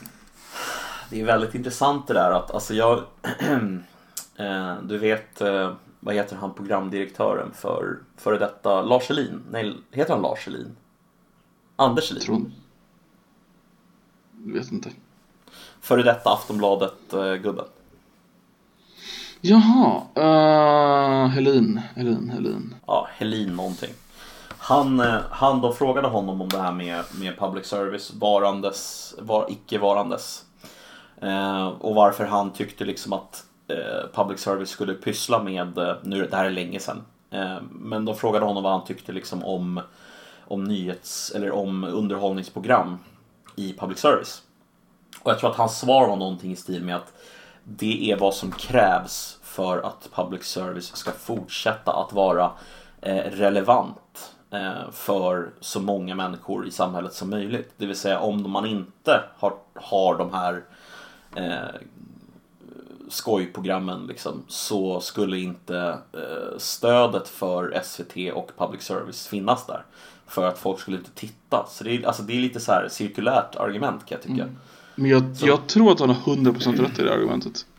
Alltså jag tror också han har 100% rätt i det argumentet. Men jag kan tycka att det är ett jävligt dåligt argument för att motivera existensen av... Nej, det, det är inte ett argument för motiveringen av SVTs existens, det är en motivering för... eh, det är en motivering för skojprogrammen snarare än för SVTs existens. Jo men i, i förlängningen blir det ju ett, alltså anledningen till att man har de skojprogrammen är ju för att man vill säkerställa att folk bryr sig Mm. om SVT. Ja, Det blir det ju men anledningen. han, han vill ju ha kvar sitt jobb. Ja, Så han- det är sant. Det finns ju hans materiella intresse att SVT är kvar. Ja. Och då gör han vad han måste för att det ska finnas kvar. Till exempel då sänder han skojprogrammen. För det han vet Ja. att det är då han får folket med sig. Precis. Men Nej men samtidigt det tror jag absolut. ju. Det tror jag också, men, men samtidigt kan jag känna så här. Men alltså, varför, varför är det ett självändamål? Alltså i sig Det är en helt annan fråga. Och det är en mycket bättre fråga. Eh, jag var lite sur på Moderaterna när de släppte igenom den här eh, skattefinansieringen av eh, public service. För jag trodde inte, det kändes inte som en grej de borde göra. Och det kändes... Eh, jag har lite svårt för konceptet public service. Så därför ska jag vara ärlig och säga att jag tyckte till och med det kändes lite omoraliskt. Men jag har börjat fundera på om det inte var ganska genialiskt. För nu när det inte är eh, opt-in som det var förut. I och med att hade du inte tv så behövde du inte betala. Nu måste alla betala. Nu går det på skatten. Du måste betala. Eh, då blir det en angelägenhet för folk på ett helt annat sätt. Och då kan vi ställa krav på ett sätt som vi inte gjorde förut. Och då kan vi ställa kraven. Varför sänder ni det här? Varför? Alltså varenda grej de sänder har måste själv eh, eh, vad heter det? själv godkännas eller vad ska jag säga. Ja, men alltså de måste någonstans tänka på att eftersom det nu är så att alla som tjänar över vad är det, 12 000 kronor eller något sånt där måste betala skatt Mm. för, för public service. Då har också alla de här personerna eh, en anledning att bry sig helt plötsligt. Mm. Eh, Medan om man avstod ifrån att betala eh, tv-avgiften eh, så hade man ingen anledning Mm. att bry sig överhuvudtaget för att man betalade inte för skiten i alla fall. Precis. Det är ju en, det är en sannoliken omoralisk skatt i i och med det att det är, som du säger, det är alla som tjänar över 12 000. Det gör ju ganska många här i Sverige. Mm. Eh, Men det, den slår ju hårdare därmed på de som tjänar mindre. Ja, ja, absolut. Så Det är det, du har ju, pengar, du har ju en skatteökning på nästan, var det 10% eller något sånt sjukt va? Mm, 5% det är något- det, det, det, det kostar typ 1000 spänn var kvartal eller vad fan det är. Ja, jag Ja. tror men jag tror inte att, jag, det, om jag kommer ihåg rätt nu så blev den lägre just på grund av att det blir så många fler som betalar. Ja, ja, om du Eh. inte tidigare, men om du inte tidigare betalade så får du en skatteökning. Ja, så är det ju. Absolut. Mm. Definitivt. Så du har ju haft en skatteökning på de som tjänat minst i i landet. För Exakt. att de som tjänar mest, Moderaterna, ska kunna se på Melodifestivalen i HD. Mm, jag vet inte, det, det känns konstigt. Gör inte det? Det känns väldigt fel. Alltså argumentet som brukar, brukar framföras för varför man ska ha public service det är ju det här att ja men vi behöver TV som är neutral och eh, som är liksom inte Nå. har massa affärsintressen bakom sig. Eh, Neutral har jag nog aldrig hört. F- fri från ekonomisk incitament har jag hört. Jag har Ja. aldrig hört neutral. För SVT har aldrig haft kravet att de ska vara neutrala. Nej, men alltså de har, de har ju kravet på sig att de ska Alltså de får inte prata negativt om till exempel saker som eh, Vad heter det för någonting? Eh, mänskliga, mänskliga rättigheter, demokrati och sådär. Men, men i alla andra syften så ska de ju liksom upprätthålla någon form av Neutralitet är fel ord. Jag söker egentligen ett annat ord. Alltså det här ehm, det står Opartiskhet. Opartiskhet, tack. Man ska försöka att vara opartiska så långt man kan. Så länge som det inte handlar om typ rasism eller homofobi och sådana här saker. Eh, men eh, jag vet inte. Jag måste bara påpeka att jag som monarkist tycker det är fel att de inte får kritisera demokratin. Ja, det är ju... Det är, det är ju en, det är en intressant ställning. Eh, ja, jag vet inte. Alltså jag, jag, kan, jag kan väl känna någonstans att så här, hur... Alltså det finns ingen objektiv journalistik. Är vi överens om det? All journalistik är per Mm. Ja, definition absolut. subjektiv. Alltså till och med Reuters journalistik som bara är så här... Nej men det, det är ju därför vi har småtidningsstödet i landet. Att Det ska alltid finnas två versioner av varje nyhet på småorterna. Precis. Och, och jag kan väl känna så här att Även om jag kan tycka att de håller en generellt hyfsat hög nivå så är det ju fortfarande inte så att de är eh, opartiska. Alltså det är helt uppenbart att det finns en, en framing eh, på väldigt många frågor. Eh, och det har ju många som har jobbat på SVT och på public service vittnat om. Så att, alltså, att påstå att det inte är så är bara löjligt. Alltså det är klart det är så. Ja. Jenny Josefsson kallade det ju kommunistverkstan. Ja, varför har du granskat vårat parti? Alltså nu tror inte jag att det är så mörkt och svårt längre. Alltså jag tror att det var mycket värre förr. Men, Ja, ja. men, eh, men det är fortfarande så tror jag att det finns väldigt tydliga biases som tar sig uttryck. Men det, Eller? ja, men jag håller med dig. Men jag, jag tror att det är svårt att underkomma det om man sitter på den makten att inte... Eller oavsett jag. vilken makt du sitter på egentligen. Det, bara- det, bara, det, det, det är ju en del av din personlighet och det kommer ju lysa igenom vad du än gör. Ja, precis. Och, när, och då, speciellt på ett sånt ställe med så mycket folk så det, det, det odlar ju en kultur. Ja, Men då får man väl ställa sig frågan kanske så här, men är man okej med det eller inte? Och jag vet inte, jag är nog inte riktigt det. Jag, jag, jag känner nog någonstans att så här, hellre då att det är, eh, alltså att vi har ett statligt stöd om vi nu måste ha det. Och att de är öppna med sin politiska eh, ställning. Eller att vi har två stycken public service där den ena är vänster och den andra är höger eller alltså whatever. Jag vet inte. Jag, jag, jag, jag vet inte. Det här med att de ska vara opartiska, jag gillar, Istället för en, hela... en stor monolit så skulle vi kunna ha många små. Ja, faktiskt. Jag tror att vi skulle få bättre eh, täckning också. Brittiska ITV startade på det sättet. Det, ITV är ju faktiskt en public service-kanal, det är inte många som vet det i Sverige. Jag hade ingen aning om. Berätta. Men du vet, det, det startade just med att uh, fria bolag skulle få välja vad de ville sända.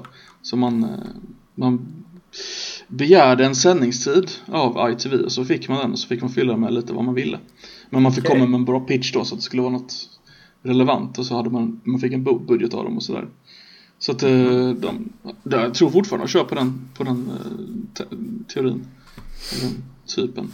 Så det är, något, Hade det är ett fritt det är ett Bolaget som gör ITVs morgonprogram är ett bolag som bara gör ITVs morgonprogram till exempel. Det är allt Mhm. de gör.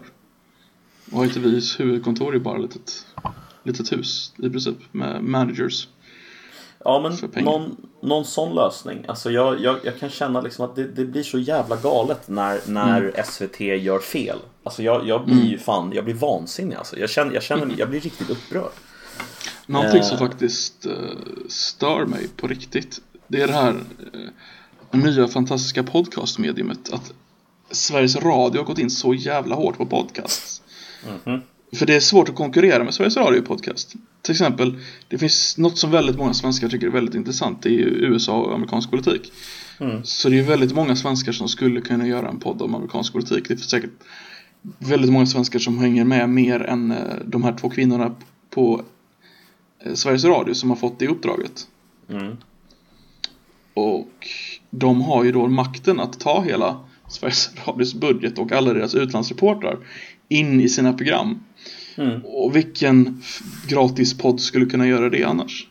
Ingen. Så, nej, så det blir en enorm snedvridning där Sveriges Radio kan hävda att ja men titta vi, vi är ju så populära till och med våra poddar syns. Ja men vi, vi kan, vem, vem skulle annars kunna synas? Det är bara ni som kan synas. Ja. Exakt. Och till och med saker som uh, Creepypodden och sånt där, det är ju SVT, SR-produktioner. Och allt Mm. de gör det är att läsa upp copypasta från 4chan liksom. Mm. Nej, jag, jag har otroligt svårt för det där. Alltså jag... Jag, alltså jag, visst, jag, alltså jag, jag, jag säger inte att de gör dåliga saker. Liksom. Men, men det är någonting fel med att de ska ta det utrymmet på bekostnad av att andra ska kunna få göra samma sak. Alltså varför ska staten i det här fallet, för att säg vad ni vill om att det inte är staten, men alltså, åh, det är inte staten. Du, det är en stiftelse som tillsätts av regeringen som styr public service eller som tillsatts av riksdagen. Jag kommer inte ihåg. Det är någonting sånt. Eh, och den här stiftelsen i sin tur är politiskt tillsatt. Så att jag menar, alltså, hur får ni ihop det? Det får ni inte. Fucking kill you all. Nej men alltså det, det, det är en Det är en statlig myndighet som inte agerar öppet utan du, du, vem som helst kan inte komma med förslag utan de, de har i sitt uppdrag att de ska vara stängda. Att det, det, är ingen som kan komma med något annat där. Nej, det är de ska få bestämma helt själva liksom. Ja precis. Och det, alltså vilken annan myndighet så kan du söka, söka ett jobb och komma med förslag på hur du ska förändra det liksom och allt sånt där. Men här är det liksom our way or the highway liksom. Mm. Regeringen kan inte komma med ett förslag på en förbättring. Du kan inte, ja, etc. etc. Jag tror du förstår vad jag menar. Ja, jag förstår precis vad du menar. En, en fråga, skulle det här kunna leda oss in i en sista punkt på politik som handlar om ett radikalare vänsterparti? Tydligen. För jag tänker på nämligen det här med vad är det egentligen ett radikalare vänsterparti skulle vilja? Det är, det är nämligen så att Rosanna Dinamarca har gått ut i samband med att den här budgeten, höstbudgeten faktiskt passerade och blev verklighet. Så har de ju hållit på en debattartikel liksom och suttit och väntat. Och nu när det hände så släpper de den här debattartikeln som mer eller mindre säger så här varför går Vänsterpartiet med på det här? Och att de vill ha ett radikalare vänsterparti. Ett radikalare vänsterparti hade inte släppt igenom Centern som regeringsparti. Ja. Nej. Det hade de inte gjort. Eller som samarbetsparti till regeringen. Ja, men- Vik- viktigt. Jag säger att de är ett regeringsparti för det är de i princip. De, Ja. de, de, de får inte spela den dubbelrollen för mig. Jag tycker det är oärligt. Ja, jag kan hålla med faktiskt. Eh, Det- är, det är väldigt dubbelt. Man vill vara både opposition och inte opposition samtidigt. Ja. Det är väldigt, väldigt intressant. Oh, vad hette hon? Vad hette kvinnan som V sparkade ut ur sitt parti för en månad sedan? Eh, Amina Kakabaveh. Amina Kakabaveh. Ja, just det. Ja. Eller Amine Kakabaveh. Amina Kakabaveh. Uh, ett radikalare vänsterparti hade inte kastat ut henne. Nej. Tror jag inte. En kvinna som tillgängligt hela sitt liv att, att jobba mot uh, hederskultur. Ett, ett vänsterparti som hade lite balls hade fan behållit henne. Däremot tror jag i och för sig att ett radikalare vänsterparti under Rosanna Dinamarca hade definitivt kastat ut henne. Men Alltså, vad är Rosanna- radikalt för Rosanna Dinamarca?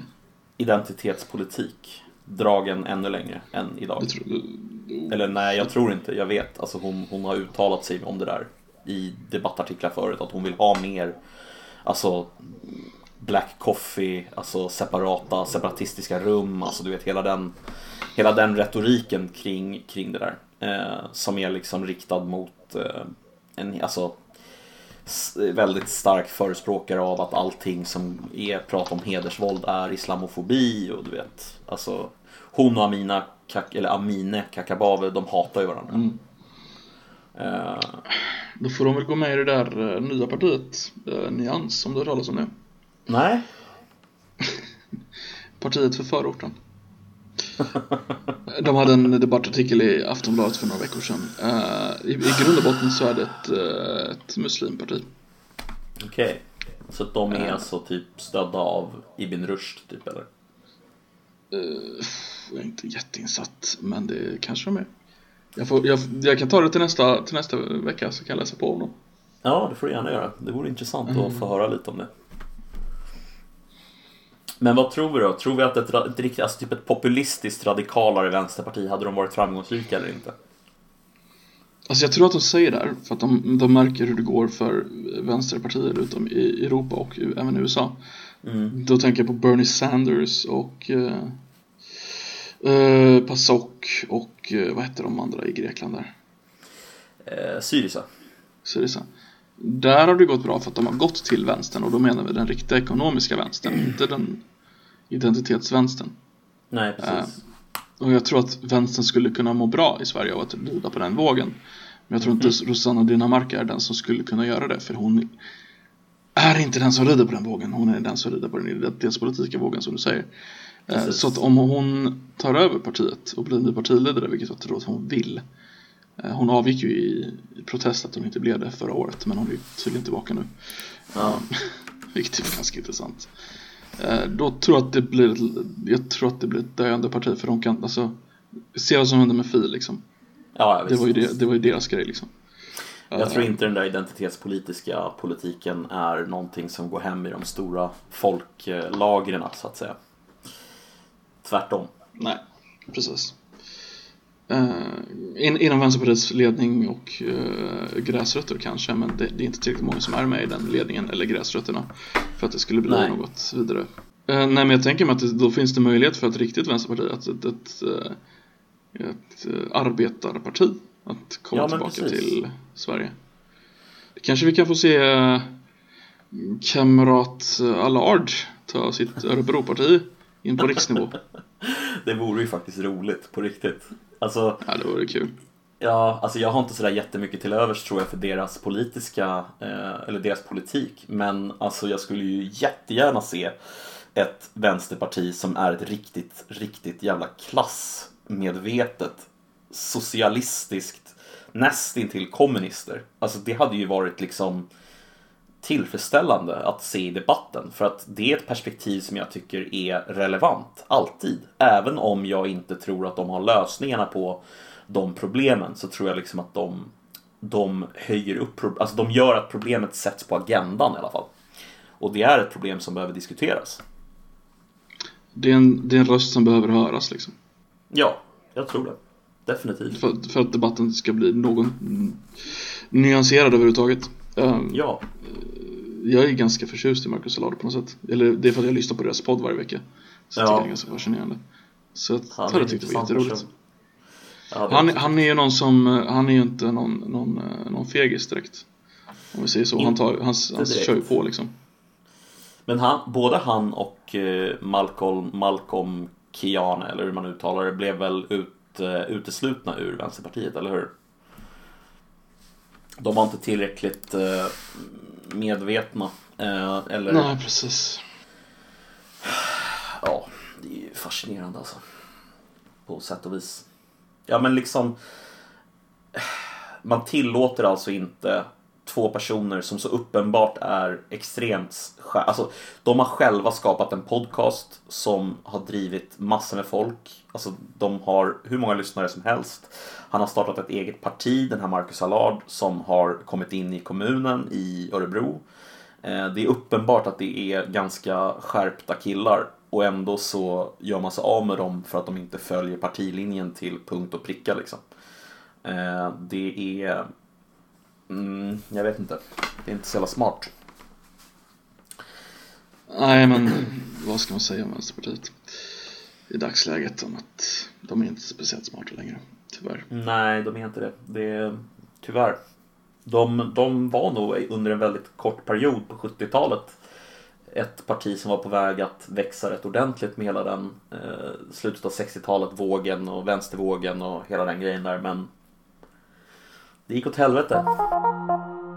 Eh, min, min sån här pet peeve, eh, eller pet peeve, pet peeves. Vi kan väl jag börja med att säga att vi fått ett förslag av Von Adler om att ta upp eh, våra fånigaste eller mest irrelevanta saker som vi har väldigt starka åsikter om. Mm. Och jag har ju väldigt starka åsikter om eh, religion, måste jag erkänna. Och när jag säger väldigt starka åsikter så menar jag liksom att jag känner nästan ett så här, nu kommer inte jag på ordet på svenska, men visceral, alltså får en visceral disgust feeling nästan när jag... eh, Obönhörlig. Ja, obönhörlig. Alltså så här. Vad är det för fel på er? Alltså så känner jag när folk är religiösa. Eh, och det är något som jag Notera har fått ordvalet jag gav dig. Obönhörlig. Nej, men jag, jag, jag, jag, jag, jag är i mångt och mycket emotionellt, även om jag inte uttrycker det, eh, kvar i någon slags eh, edgy atheist eh, fas typ. Där jag liksom bara känner så här. Hur fan kan folk tro på Gud? Alltså jag förstår inte det. Alltså jag förstår inte det. Varken emotionellt eller... Och det irriterar mig. Alltså oerhört mycket. Eh, orimligt mycket. Det borde inte irritera mig så mycket vad andra människor gör med sin egen tid. Men uppenbarligen så gör det det ändå. Det där är ju fascinerande. Ja. Vad har du då? har aldrig eh, försökt leva in i teori, alltså leva in i någon religiös människas världsbild. Jag har studerat religion på universitetet, 30 det är poäng. inte samma jag, sak. Och jag har studerat religion i somras, religion, politik och våld. samma sak. Eh, och jag har aldrig kunnat sätta mig in och, eller förstå eh, vad det där, den där, alltså jag, så här, jag, jag kan förstå eh, att man tror på saker. Eh, det är inte det. Jag tror också på saker. Alla tror vi på saker som vi inte kan bevisa. Men det som irriterar mig, det är när man väljer en specifik religion. Jag har inga problem med folk som säger så här. Jag tror på att det finns någonting. Då är jag så här, ja, vem vet? Jag tror, inte, jag tror inte det, men who the fuck knows? Men när någon är så här, ja, fast min bok, den stämmer. Då blir jag så här, men alla andra böcker då? Du accepterar att folk är eh, på något sätt agnostiska och tror på någonting. Jag, jag, Men du, acceptera, du accepterar inte folk som är eh, infödda i en religion liksom.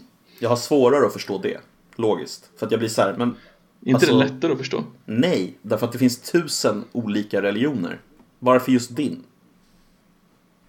Alltså det är ett seriöst argument tycker jag, som man inte kan komma bort ifrån. Varför just den här boken? För de andra har fel. Ja, men hur vet du det? Ja, men det är väl en form av övertygelse. Ja, och vad baserar sig den på? Ja, sin övertygelse. Ja, men Sin vad tro. baserar sig över? Jo, precis. Tron på den här boken. Men då är det så här, ja men... Det är väldigt sällan att- tron på en specifik bok, utan det är tro på en hel kulturell kanon. Ja, absolut. Jag, jag, jag vet. Men alltså, jag säger liksom att det är någonting i det där ställningstagandet. Att min bok och min kulturella kanon, den är korrekt. Men alla andras kulturella kanon, den stämmer inte. Det är någonting i det som äcklar mig djupt alltså. Jag blir så här, va? Hur kan du säga så? Du har inga bevis för det. Noll. Är Inget. du kulturrelativist? Nej, alltså. Jag står för någon slags men lyssna på- humanistiska... Alltså det, det är kulturrelativism där. För du, hur kan du säga att det är fel att uh, offra barn? Du vet ju inte att det är helt fel. Nej men alltså det, är, alltså det är inte fel att offra barn Hur på vet det sättet. det, det är inte fel att offra barn, okej bra. Nej, inte på det sättet. Låt mig förklara varför. Alltså det, det är fel att offra barn på grund av att andra människor och de här barnen kommer bli ledsna. Men det finns ingen objektiv moralisk princip som säger att det är fel. Det är inte objektivt moraliskt fel att offra barn. Nej. Då är du lite kulturrelativist i alla fall. Nej, nihilist kanske. Kulturnihilist, det där är ju bara edgy 15-åring. Ja men typ. Nej men jag, alltså jag kan känna så här att alltså, det finns ingen Alltså om du försöker införa någon slags pliktetik eller om du försöker in, alltså det spelar ingen roll vilken typ av etik eller moral du försöker att överföra på det här så är det fortfarande så att det är någonting du har hittat på. Men det, är- men det som funkar är det som funkar bäst när det korresponderar mot verkligheten. Och det verkar vara eh, humanistiska, eh, sekulära värderingar. Så vitt jag kan säga. Enligt vad du upplevt. Enligt vad jag ser med mina egna ögon när jag tittar på vad som fungerar och vad som inte fungerar i världen. Så vad du har upplevt. Visserligen, men också det som faktiskt korresponderar med hur det ser Det ut i verkligheten. Ja, men jag håller ju inte med. Alltså, det, förstår det. korresponderar ju, det korresponderar ju liksom med hur det funkar i verkligheten. Det är rätt uppenbart till exempel att eh, västerländsk demokrati som bygger på sekulära värderingar fungerar mycket, mycket bättre än länder som bygger på eh, religiösa lagar. Enligt vilken Vi- måttstock? Enligt min måttstock som handlar om att du ska få leva som du vill. Det är ju din, det är din väldigt begränsade biased måttstock. Alltså i Absolut, Saudiarabien absolut. så har Ja, de ja. medborgarlön liksom. Det kanske fungerar Absolut. jättebra för Saudiarabier. Jo visst, men det är ju någonstans, alltså så här. Det kanske värdet som jag tycker är någon slags objektivt värde, men det är inte objektivt, men det kanske som är närmst objektivt för mig i alla fall. Det är att jag bestämmer själv över mig själv. Och du har ingen, du bestämmer inte över mig. Eh, det är någon slags självbestämmande rättighet som jag tycker är helt självklar. Och, och det den, alltså från den principen tycker jag att det är uppenbart att ett sekulärt samhälle följer som en logisk, liksom, om du vill leva i ett vettigt samhälle så vill du leva i ett samhälle där du får bestämma själv så mycket som möjligt över dig och vad du ska göra. Och ingen annan har rätt att bestämma över dig. Så länge som det inte är inom rimliga gränser. Vi måste ha lagar och regler såklart. Men alltså kortfattat, din religion har noll inflytande över mig och ska alltid ha noll inflytande över mitt liv. Så där har jag någon slags så här liten eh, grej som jag inte kan släppa riktigt. Har du spelat fotboll någon gång? Jajamensan. Får man ta upp bollen med händerna? Eh, ja, det får du göra. Och gå i mål med den? Jajamensan. Nej, det får du inte göra.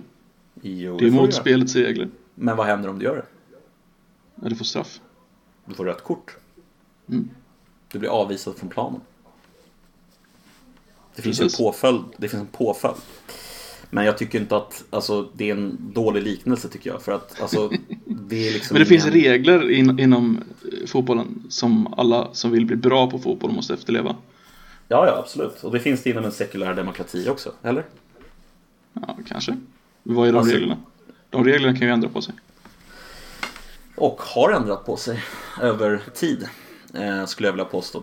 Alltså jag menar, Så då kanske blivit- man får ta upp bollen sen. Alltså, nej. Det beror på vad man menar. Vad, vad skulle vara en analogi till bollen då, tänker du, i en sekulär demokrati? I en sekulär demokrati vet jag inte. Det var inte riktigt där jag körde min jäm- jämförelse. Nej, okej. Vad tänkte du då? Det lät så jävla besviken. Ja, jag trodde du menade bollen som en analogi, alltså till, till någonting att bryta mot reglerna i en sekulär demokrati och att man inte kan bryta mot reglerna utan påföljd. Mm. I, i, inte exakt så, men det var ganska likt ändå.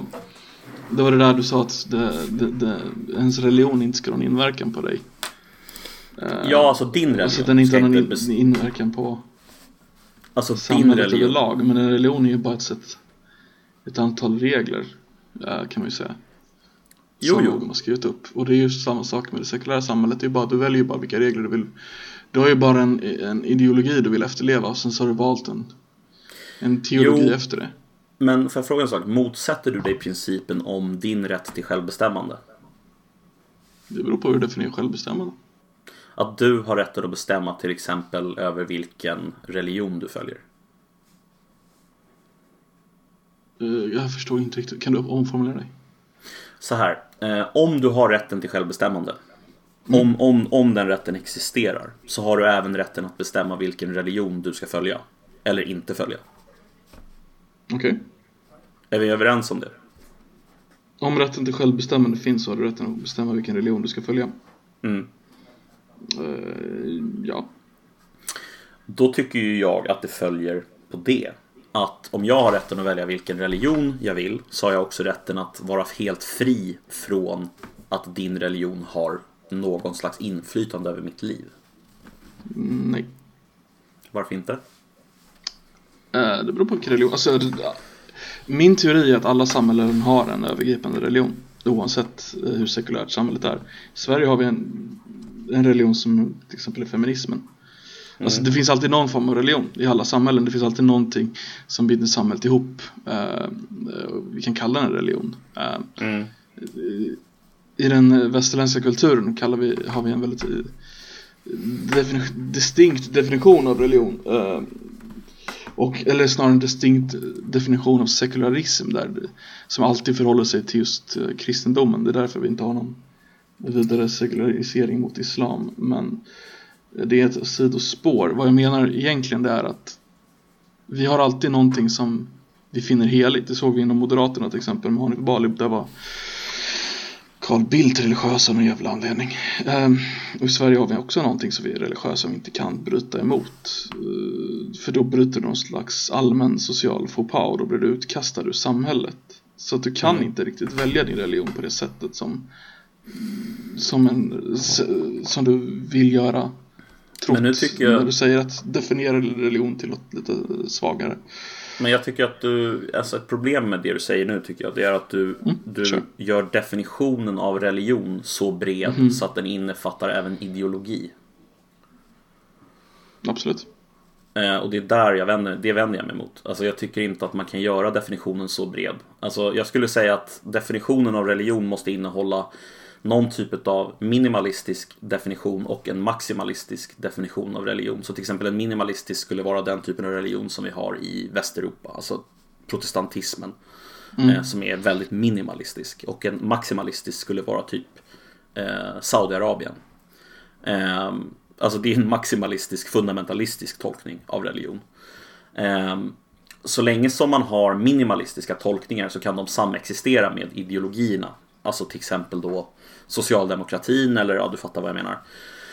Eh, men har man maximalistiska tolkningar av religion så kan inte de samexistera med eh, andra ideologier och då måste den typen av maximalistisk tolkning den måste stiga undan till förmån för eh, ideologin i samhället.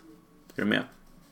Alltså, jag tycker inte att din rättighet till att utöva din religion eh, leder till att du har rätten att påverka vad jag gör. Mer eller mindre. Du får tycka vad du vill och du får påverka mig i de demokratiska processerna. Men att du bara säger så här till mig. Ja, men så här ska vi göra för att det står i min heliga bok. Alltså det för mig är ungefär samma sak som Okej, jag kommer ignorera allt du säger. Alltså, Men så här, om jag säger, säger att jag är jag vet, inte, någon religion. Det kommer ändå ha påverkat mig. Så att jag, kanske, Ja. jag kan ju hävda någonting. ja, ja. Jag kan ju alltid, så kan jag ha min ide- ideologi som är någon annan då. Och så kan vi komma i en politisk debatt och så har vi en, och så säger du Den kanske överensstämmer med min religion då. Mm. Kommer du alltid neka den bara för att men det är din religion men jag kanske kan hävda den sekulärt. Nej, nej, nej, nej. Alltså om du hävdar någonting sekulärt som sen råkar stämma i linje med din religion så har jag inga problem med det. Det jag har problem med det är när du utgår ifrån en bok som är given av, alltså för så här, en, en religiös bok har ju en annan auktoritet än en lag, eller hur? För den religiösa. Mm. Oftast i alla fall. Det finns givetvis undantag. Men, men oftast så brukar det vara så här, okej det står i min religiösa bok typ Bibeln eller Koranen och därför så är det så och därför ska vi leva på det här sättet. Eh, och jag kan känna någonstans att när man börjar göra tolkningar om hur samhället ska se ut baserat på vad det står i en bok som då har högre auktoritet än lagen. Då vänder jag mig mot det. Då blir jag så här, nej, nej, nej, nej, nej. Du har inte någon rätt att bestämma det åt mig. Lika lite som jag har någon rätt att bestämma åt dig så har du lika, alltså jag har inte rätten att bestämma över dig men du har inte heller rätten att bestämma över mig. Är du med? För för mig är grundprincipen att jag bestämmer själv. Jag bestämmer över mig, inte du. Och då kommer jag till den slutsatsen att ingen, ingen kan berätta för mig hur jag ska göra med mitt liv. Om inte vi tillsammans demokratiskt har kommit överens om att vi ska ha en lag som säger att det är på ett visst sätt. Om man demokratiskt kommer överens om att följa Bibeln då? Då flyttar jag från det här landet. Okej. Alltså helt ärligt. Eh, det är Ja, det ärliga svaret. Då skulle jag flytta direkt. Eh, jag skulle inte bo kvar här då. Men det kommer aldrig hända. Men alltså. Eh, skulle någon liksom bestämma sig för att ja men min religion ska väga tyngre i samhället än någon annan religion. Så alltså. Ja, jag har väldigt, väldigt svårt för religion helt enkelt. Det jag försöker säga. jag, jag har som sagt inte släppt det där riktigt. Det, jag, jag, jag, det, det irriterar mig fortfarande. Jag var inte riktigt beredd på den här frågan, det var därför jag inte kom med så bra motargument. Men eh, det var intressant ändå.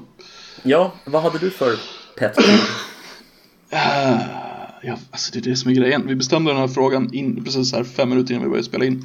För det var då vi såg den i discorden och jag har inte riktigt någon eh, eh, aning om vad jag skulle tagit upp. Uh, någonting som är fånigt men väldigt stark åsikt om. Alltså det stör mig som fan när folk går av på spårvagnen innan eller går på på spårvagnen innan folk får gå av till exempel. Men jag vet inte om det är så fånigt, det tycker jag är ganska viktigt. Jag håller med dig. Uh, vad stör mig? Alltså så här, liten grej som stör mig som jag inte kommer på. Uh, jag, jag blir inte riktigt störd alltså. Jag har ganska lätt att släppa saker tror jag. Mm. Uh, och så är jag väldigt eh, sympatisk och trevlig så att det är inte så att det ligger kvar. Du, liksom väldigt ödmjuk bara, också. du kan bara släppa saker helt eller? Ibland. Men alltså, det, finns fan säkert någonting som är så här. Alltså som jag kommer komma på typ fem minuter efter vi slutar spela in så bara det där skulle jag ta upp och då, då tar jag upp det nästa vecka. Ja. Men jag kommer inte på någonting som är så här fånigt som jag stör mig jättemycket på just nu. Nej, du har ingen, du har ingen så här stor pet som jag har med religion. Alltså det är ju fånigt i den meningen att alltså, det är ingenting som jag behöver bry mig så om så mycket. Givet att alltså, jag har ju redan, alltså det är ju redan så som jag vill. Alltså förstår du? Alltså jag behöver ju inte bry mig om det, det är ju redan så. Precis. Uh, d- d- d- jag gillar tåg. Tycker vi borde köra mer tåg. Ja, Berätta, var, var, varför då? jag tycker det är jävligt mysigt bara. Eh, det är mitt favorittransportmedel. Uh, Du skulle skulle vilja föredra typ att åka man körde tåg typ tåg inom Europa och en flög. Uh, flyga borde typ vara reserverat till så här långdistans cross Atlanten grejer. Annars Du kan man köra tåg. Alla borde, alla borde åka mer tåg helt enkelt. Ja. Är, det din, är det din inre Greta som kommer ut nu? Eh, nej, det är bara att jag gillar tåg. Så ska de vara så här gammal, gammalmodiga och trevliga. Du vet med restaurangvagn där man sitter ner och Ja, har det ja, ja, ja. Orientexpressen typ. Ja men typ, så får de vara hur långa som helst så alla får plats liksom. Fan vad mysigt. Jag är i och för sig också lite sugen på att åka tåg nu, bara för att du sa så.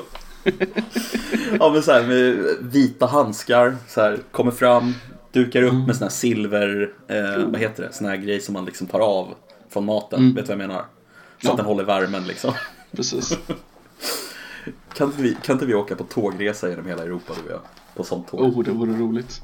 Eller hur? Fan vad mysigt. Går den fortfarande Paris till Istanbul? Uh, Eh, jag det, tror det är Orientexpressen. det. Jag tror det. Men alltså då är det någon slags, alltså så här, det är ju inte originalet liksom utan det är Nej. typ någon Men jag vet att jag har sökt på det någon gång och kollat vad det kostar. Det är svindyrt att åka. Transsibiriska åker ju fortfarande, originalet. Gör den det? Ja, ja.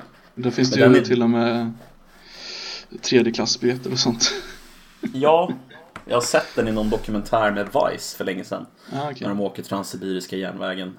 Eh, Och det verkar Första klass är riktigt. skitnice. Är det det? Alltså det, då är det så här, du får sitta i restaurangvagn och allting och du får en egen sovkupé. Tredje klass, skitdåligt. Eh, du får ju till och med hoppa av tåget på varje station för att köpa mat liksom. Du får inte gå in i restaurangvagnen. Oj. Det är verkligen så här. Keep the plebs from the aristocrats. ja, nej, men det, det förstår man ju. Man vill ju inte, man vill ju inte blanda sig med kreti och pleti va. Tack för oss för den här veckan. Vi har haft en intressant diskussion om eh, politik och religion. De två absolut bästa ämnena att prata om om man vill vara vänner för resten av livet. Eller hur? Absolut, absolut. bästa ämnena. Nej men mycket intressant. Eh, tack för mig eh, och Tack för mig. Perfekt. Tack och hej. Ha det gött, hej. Hej.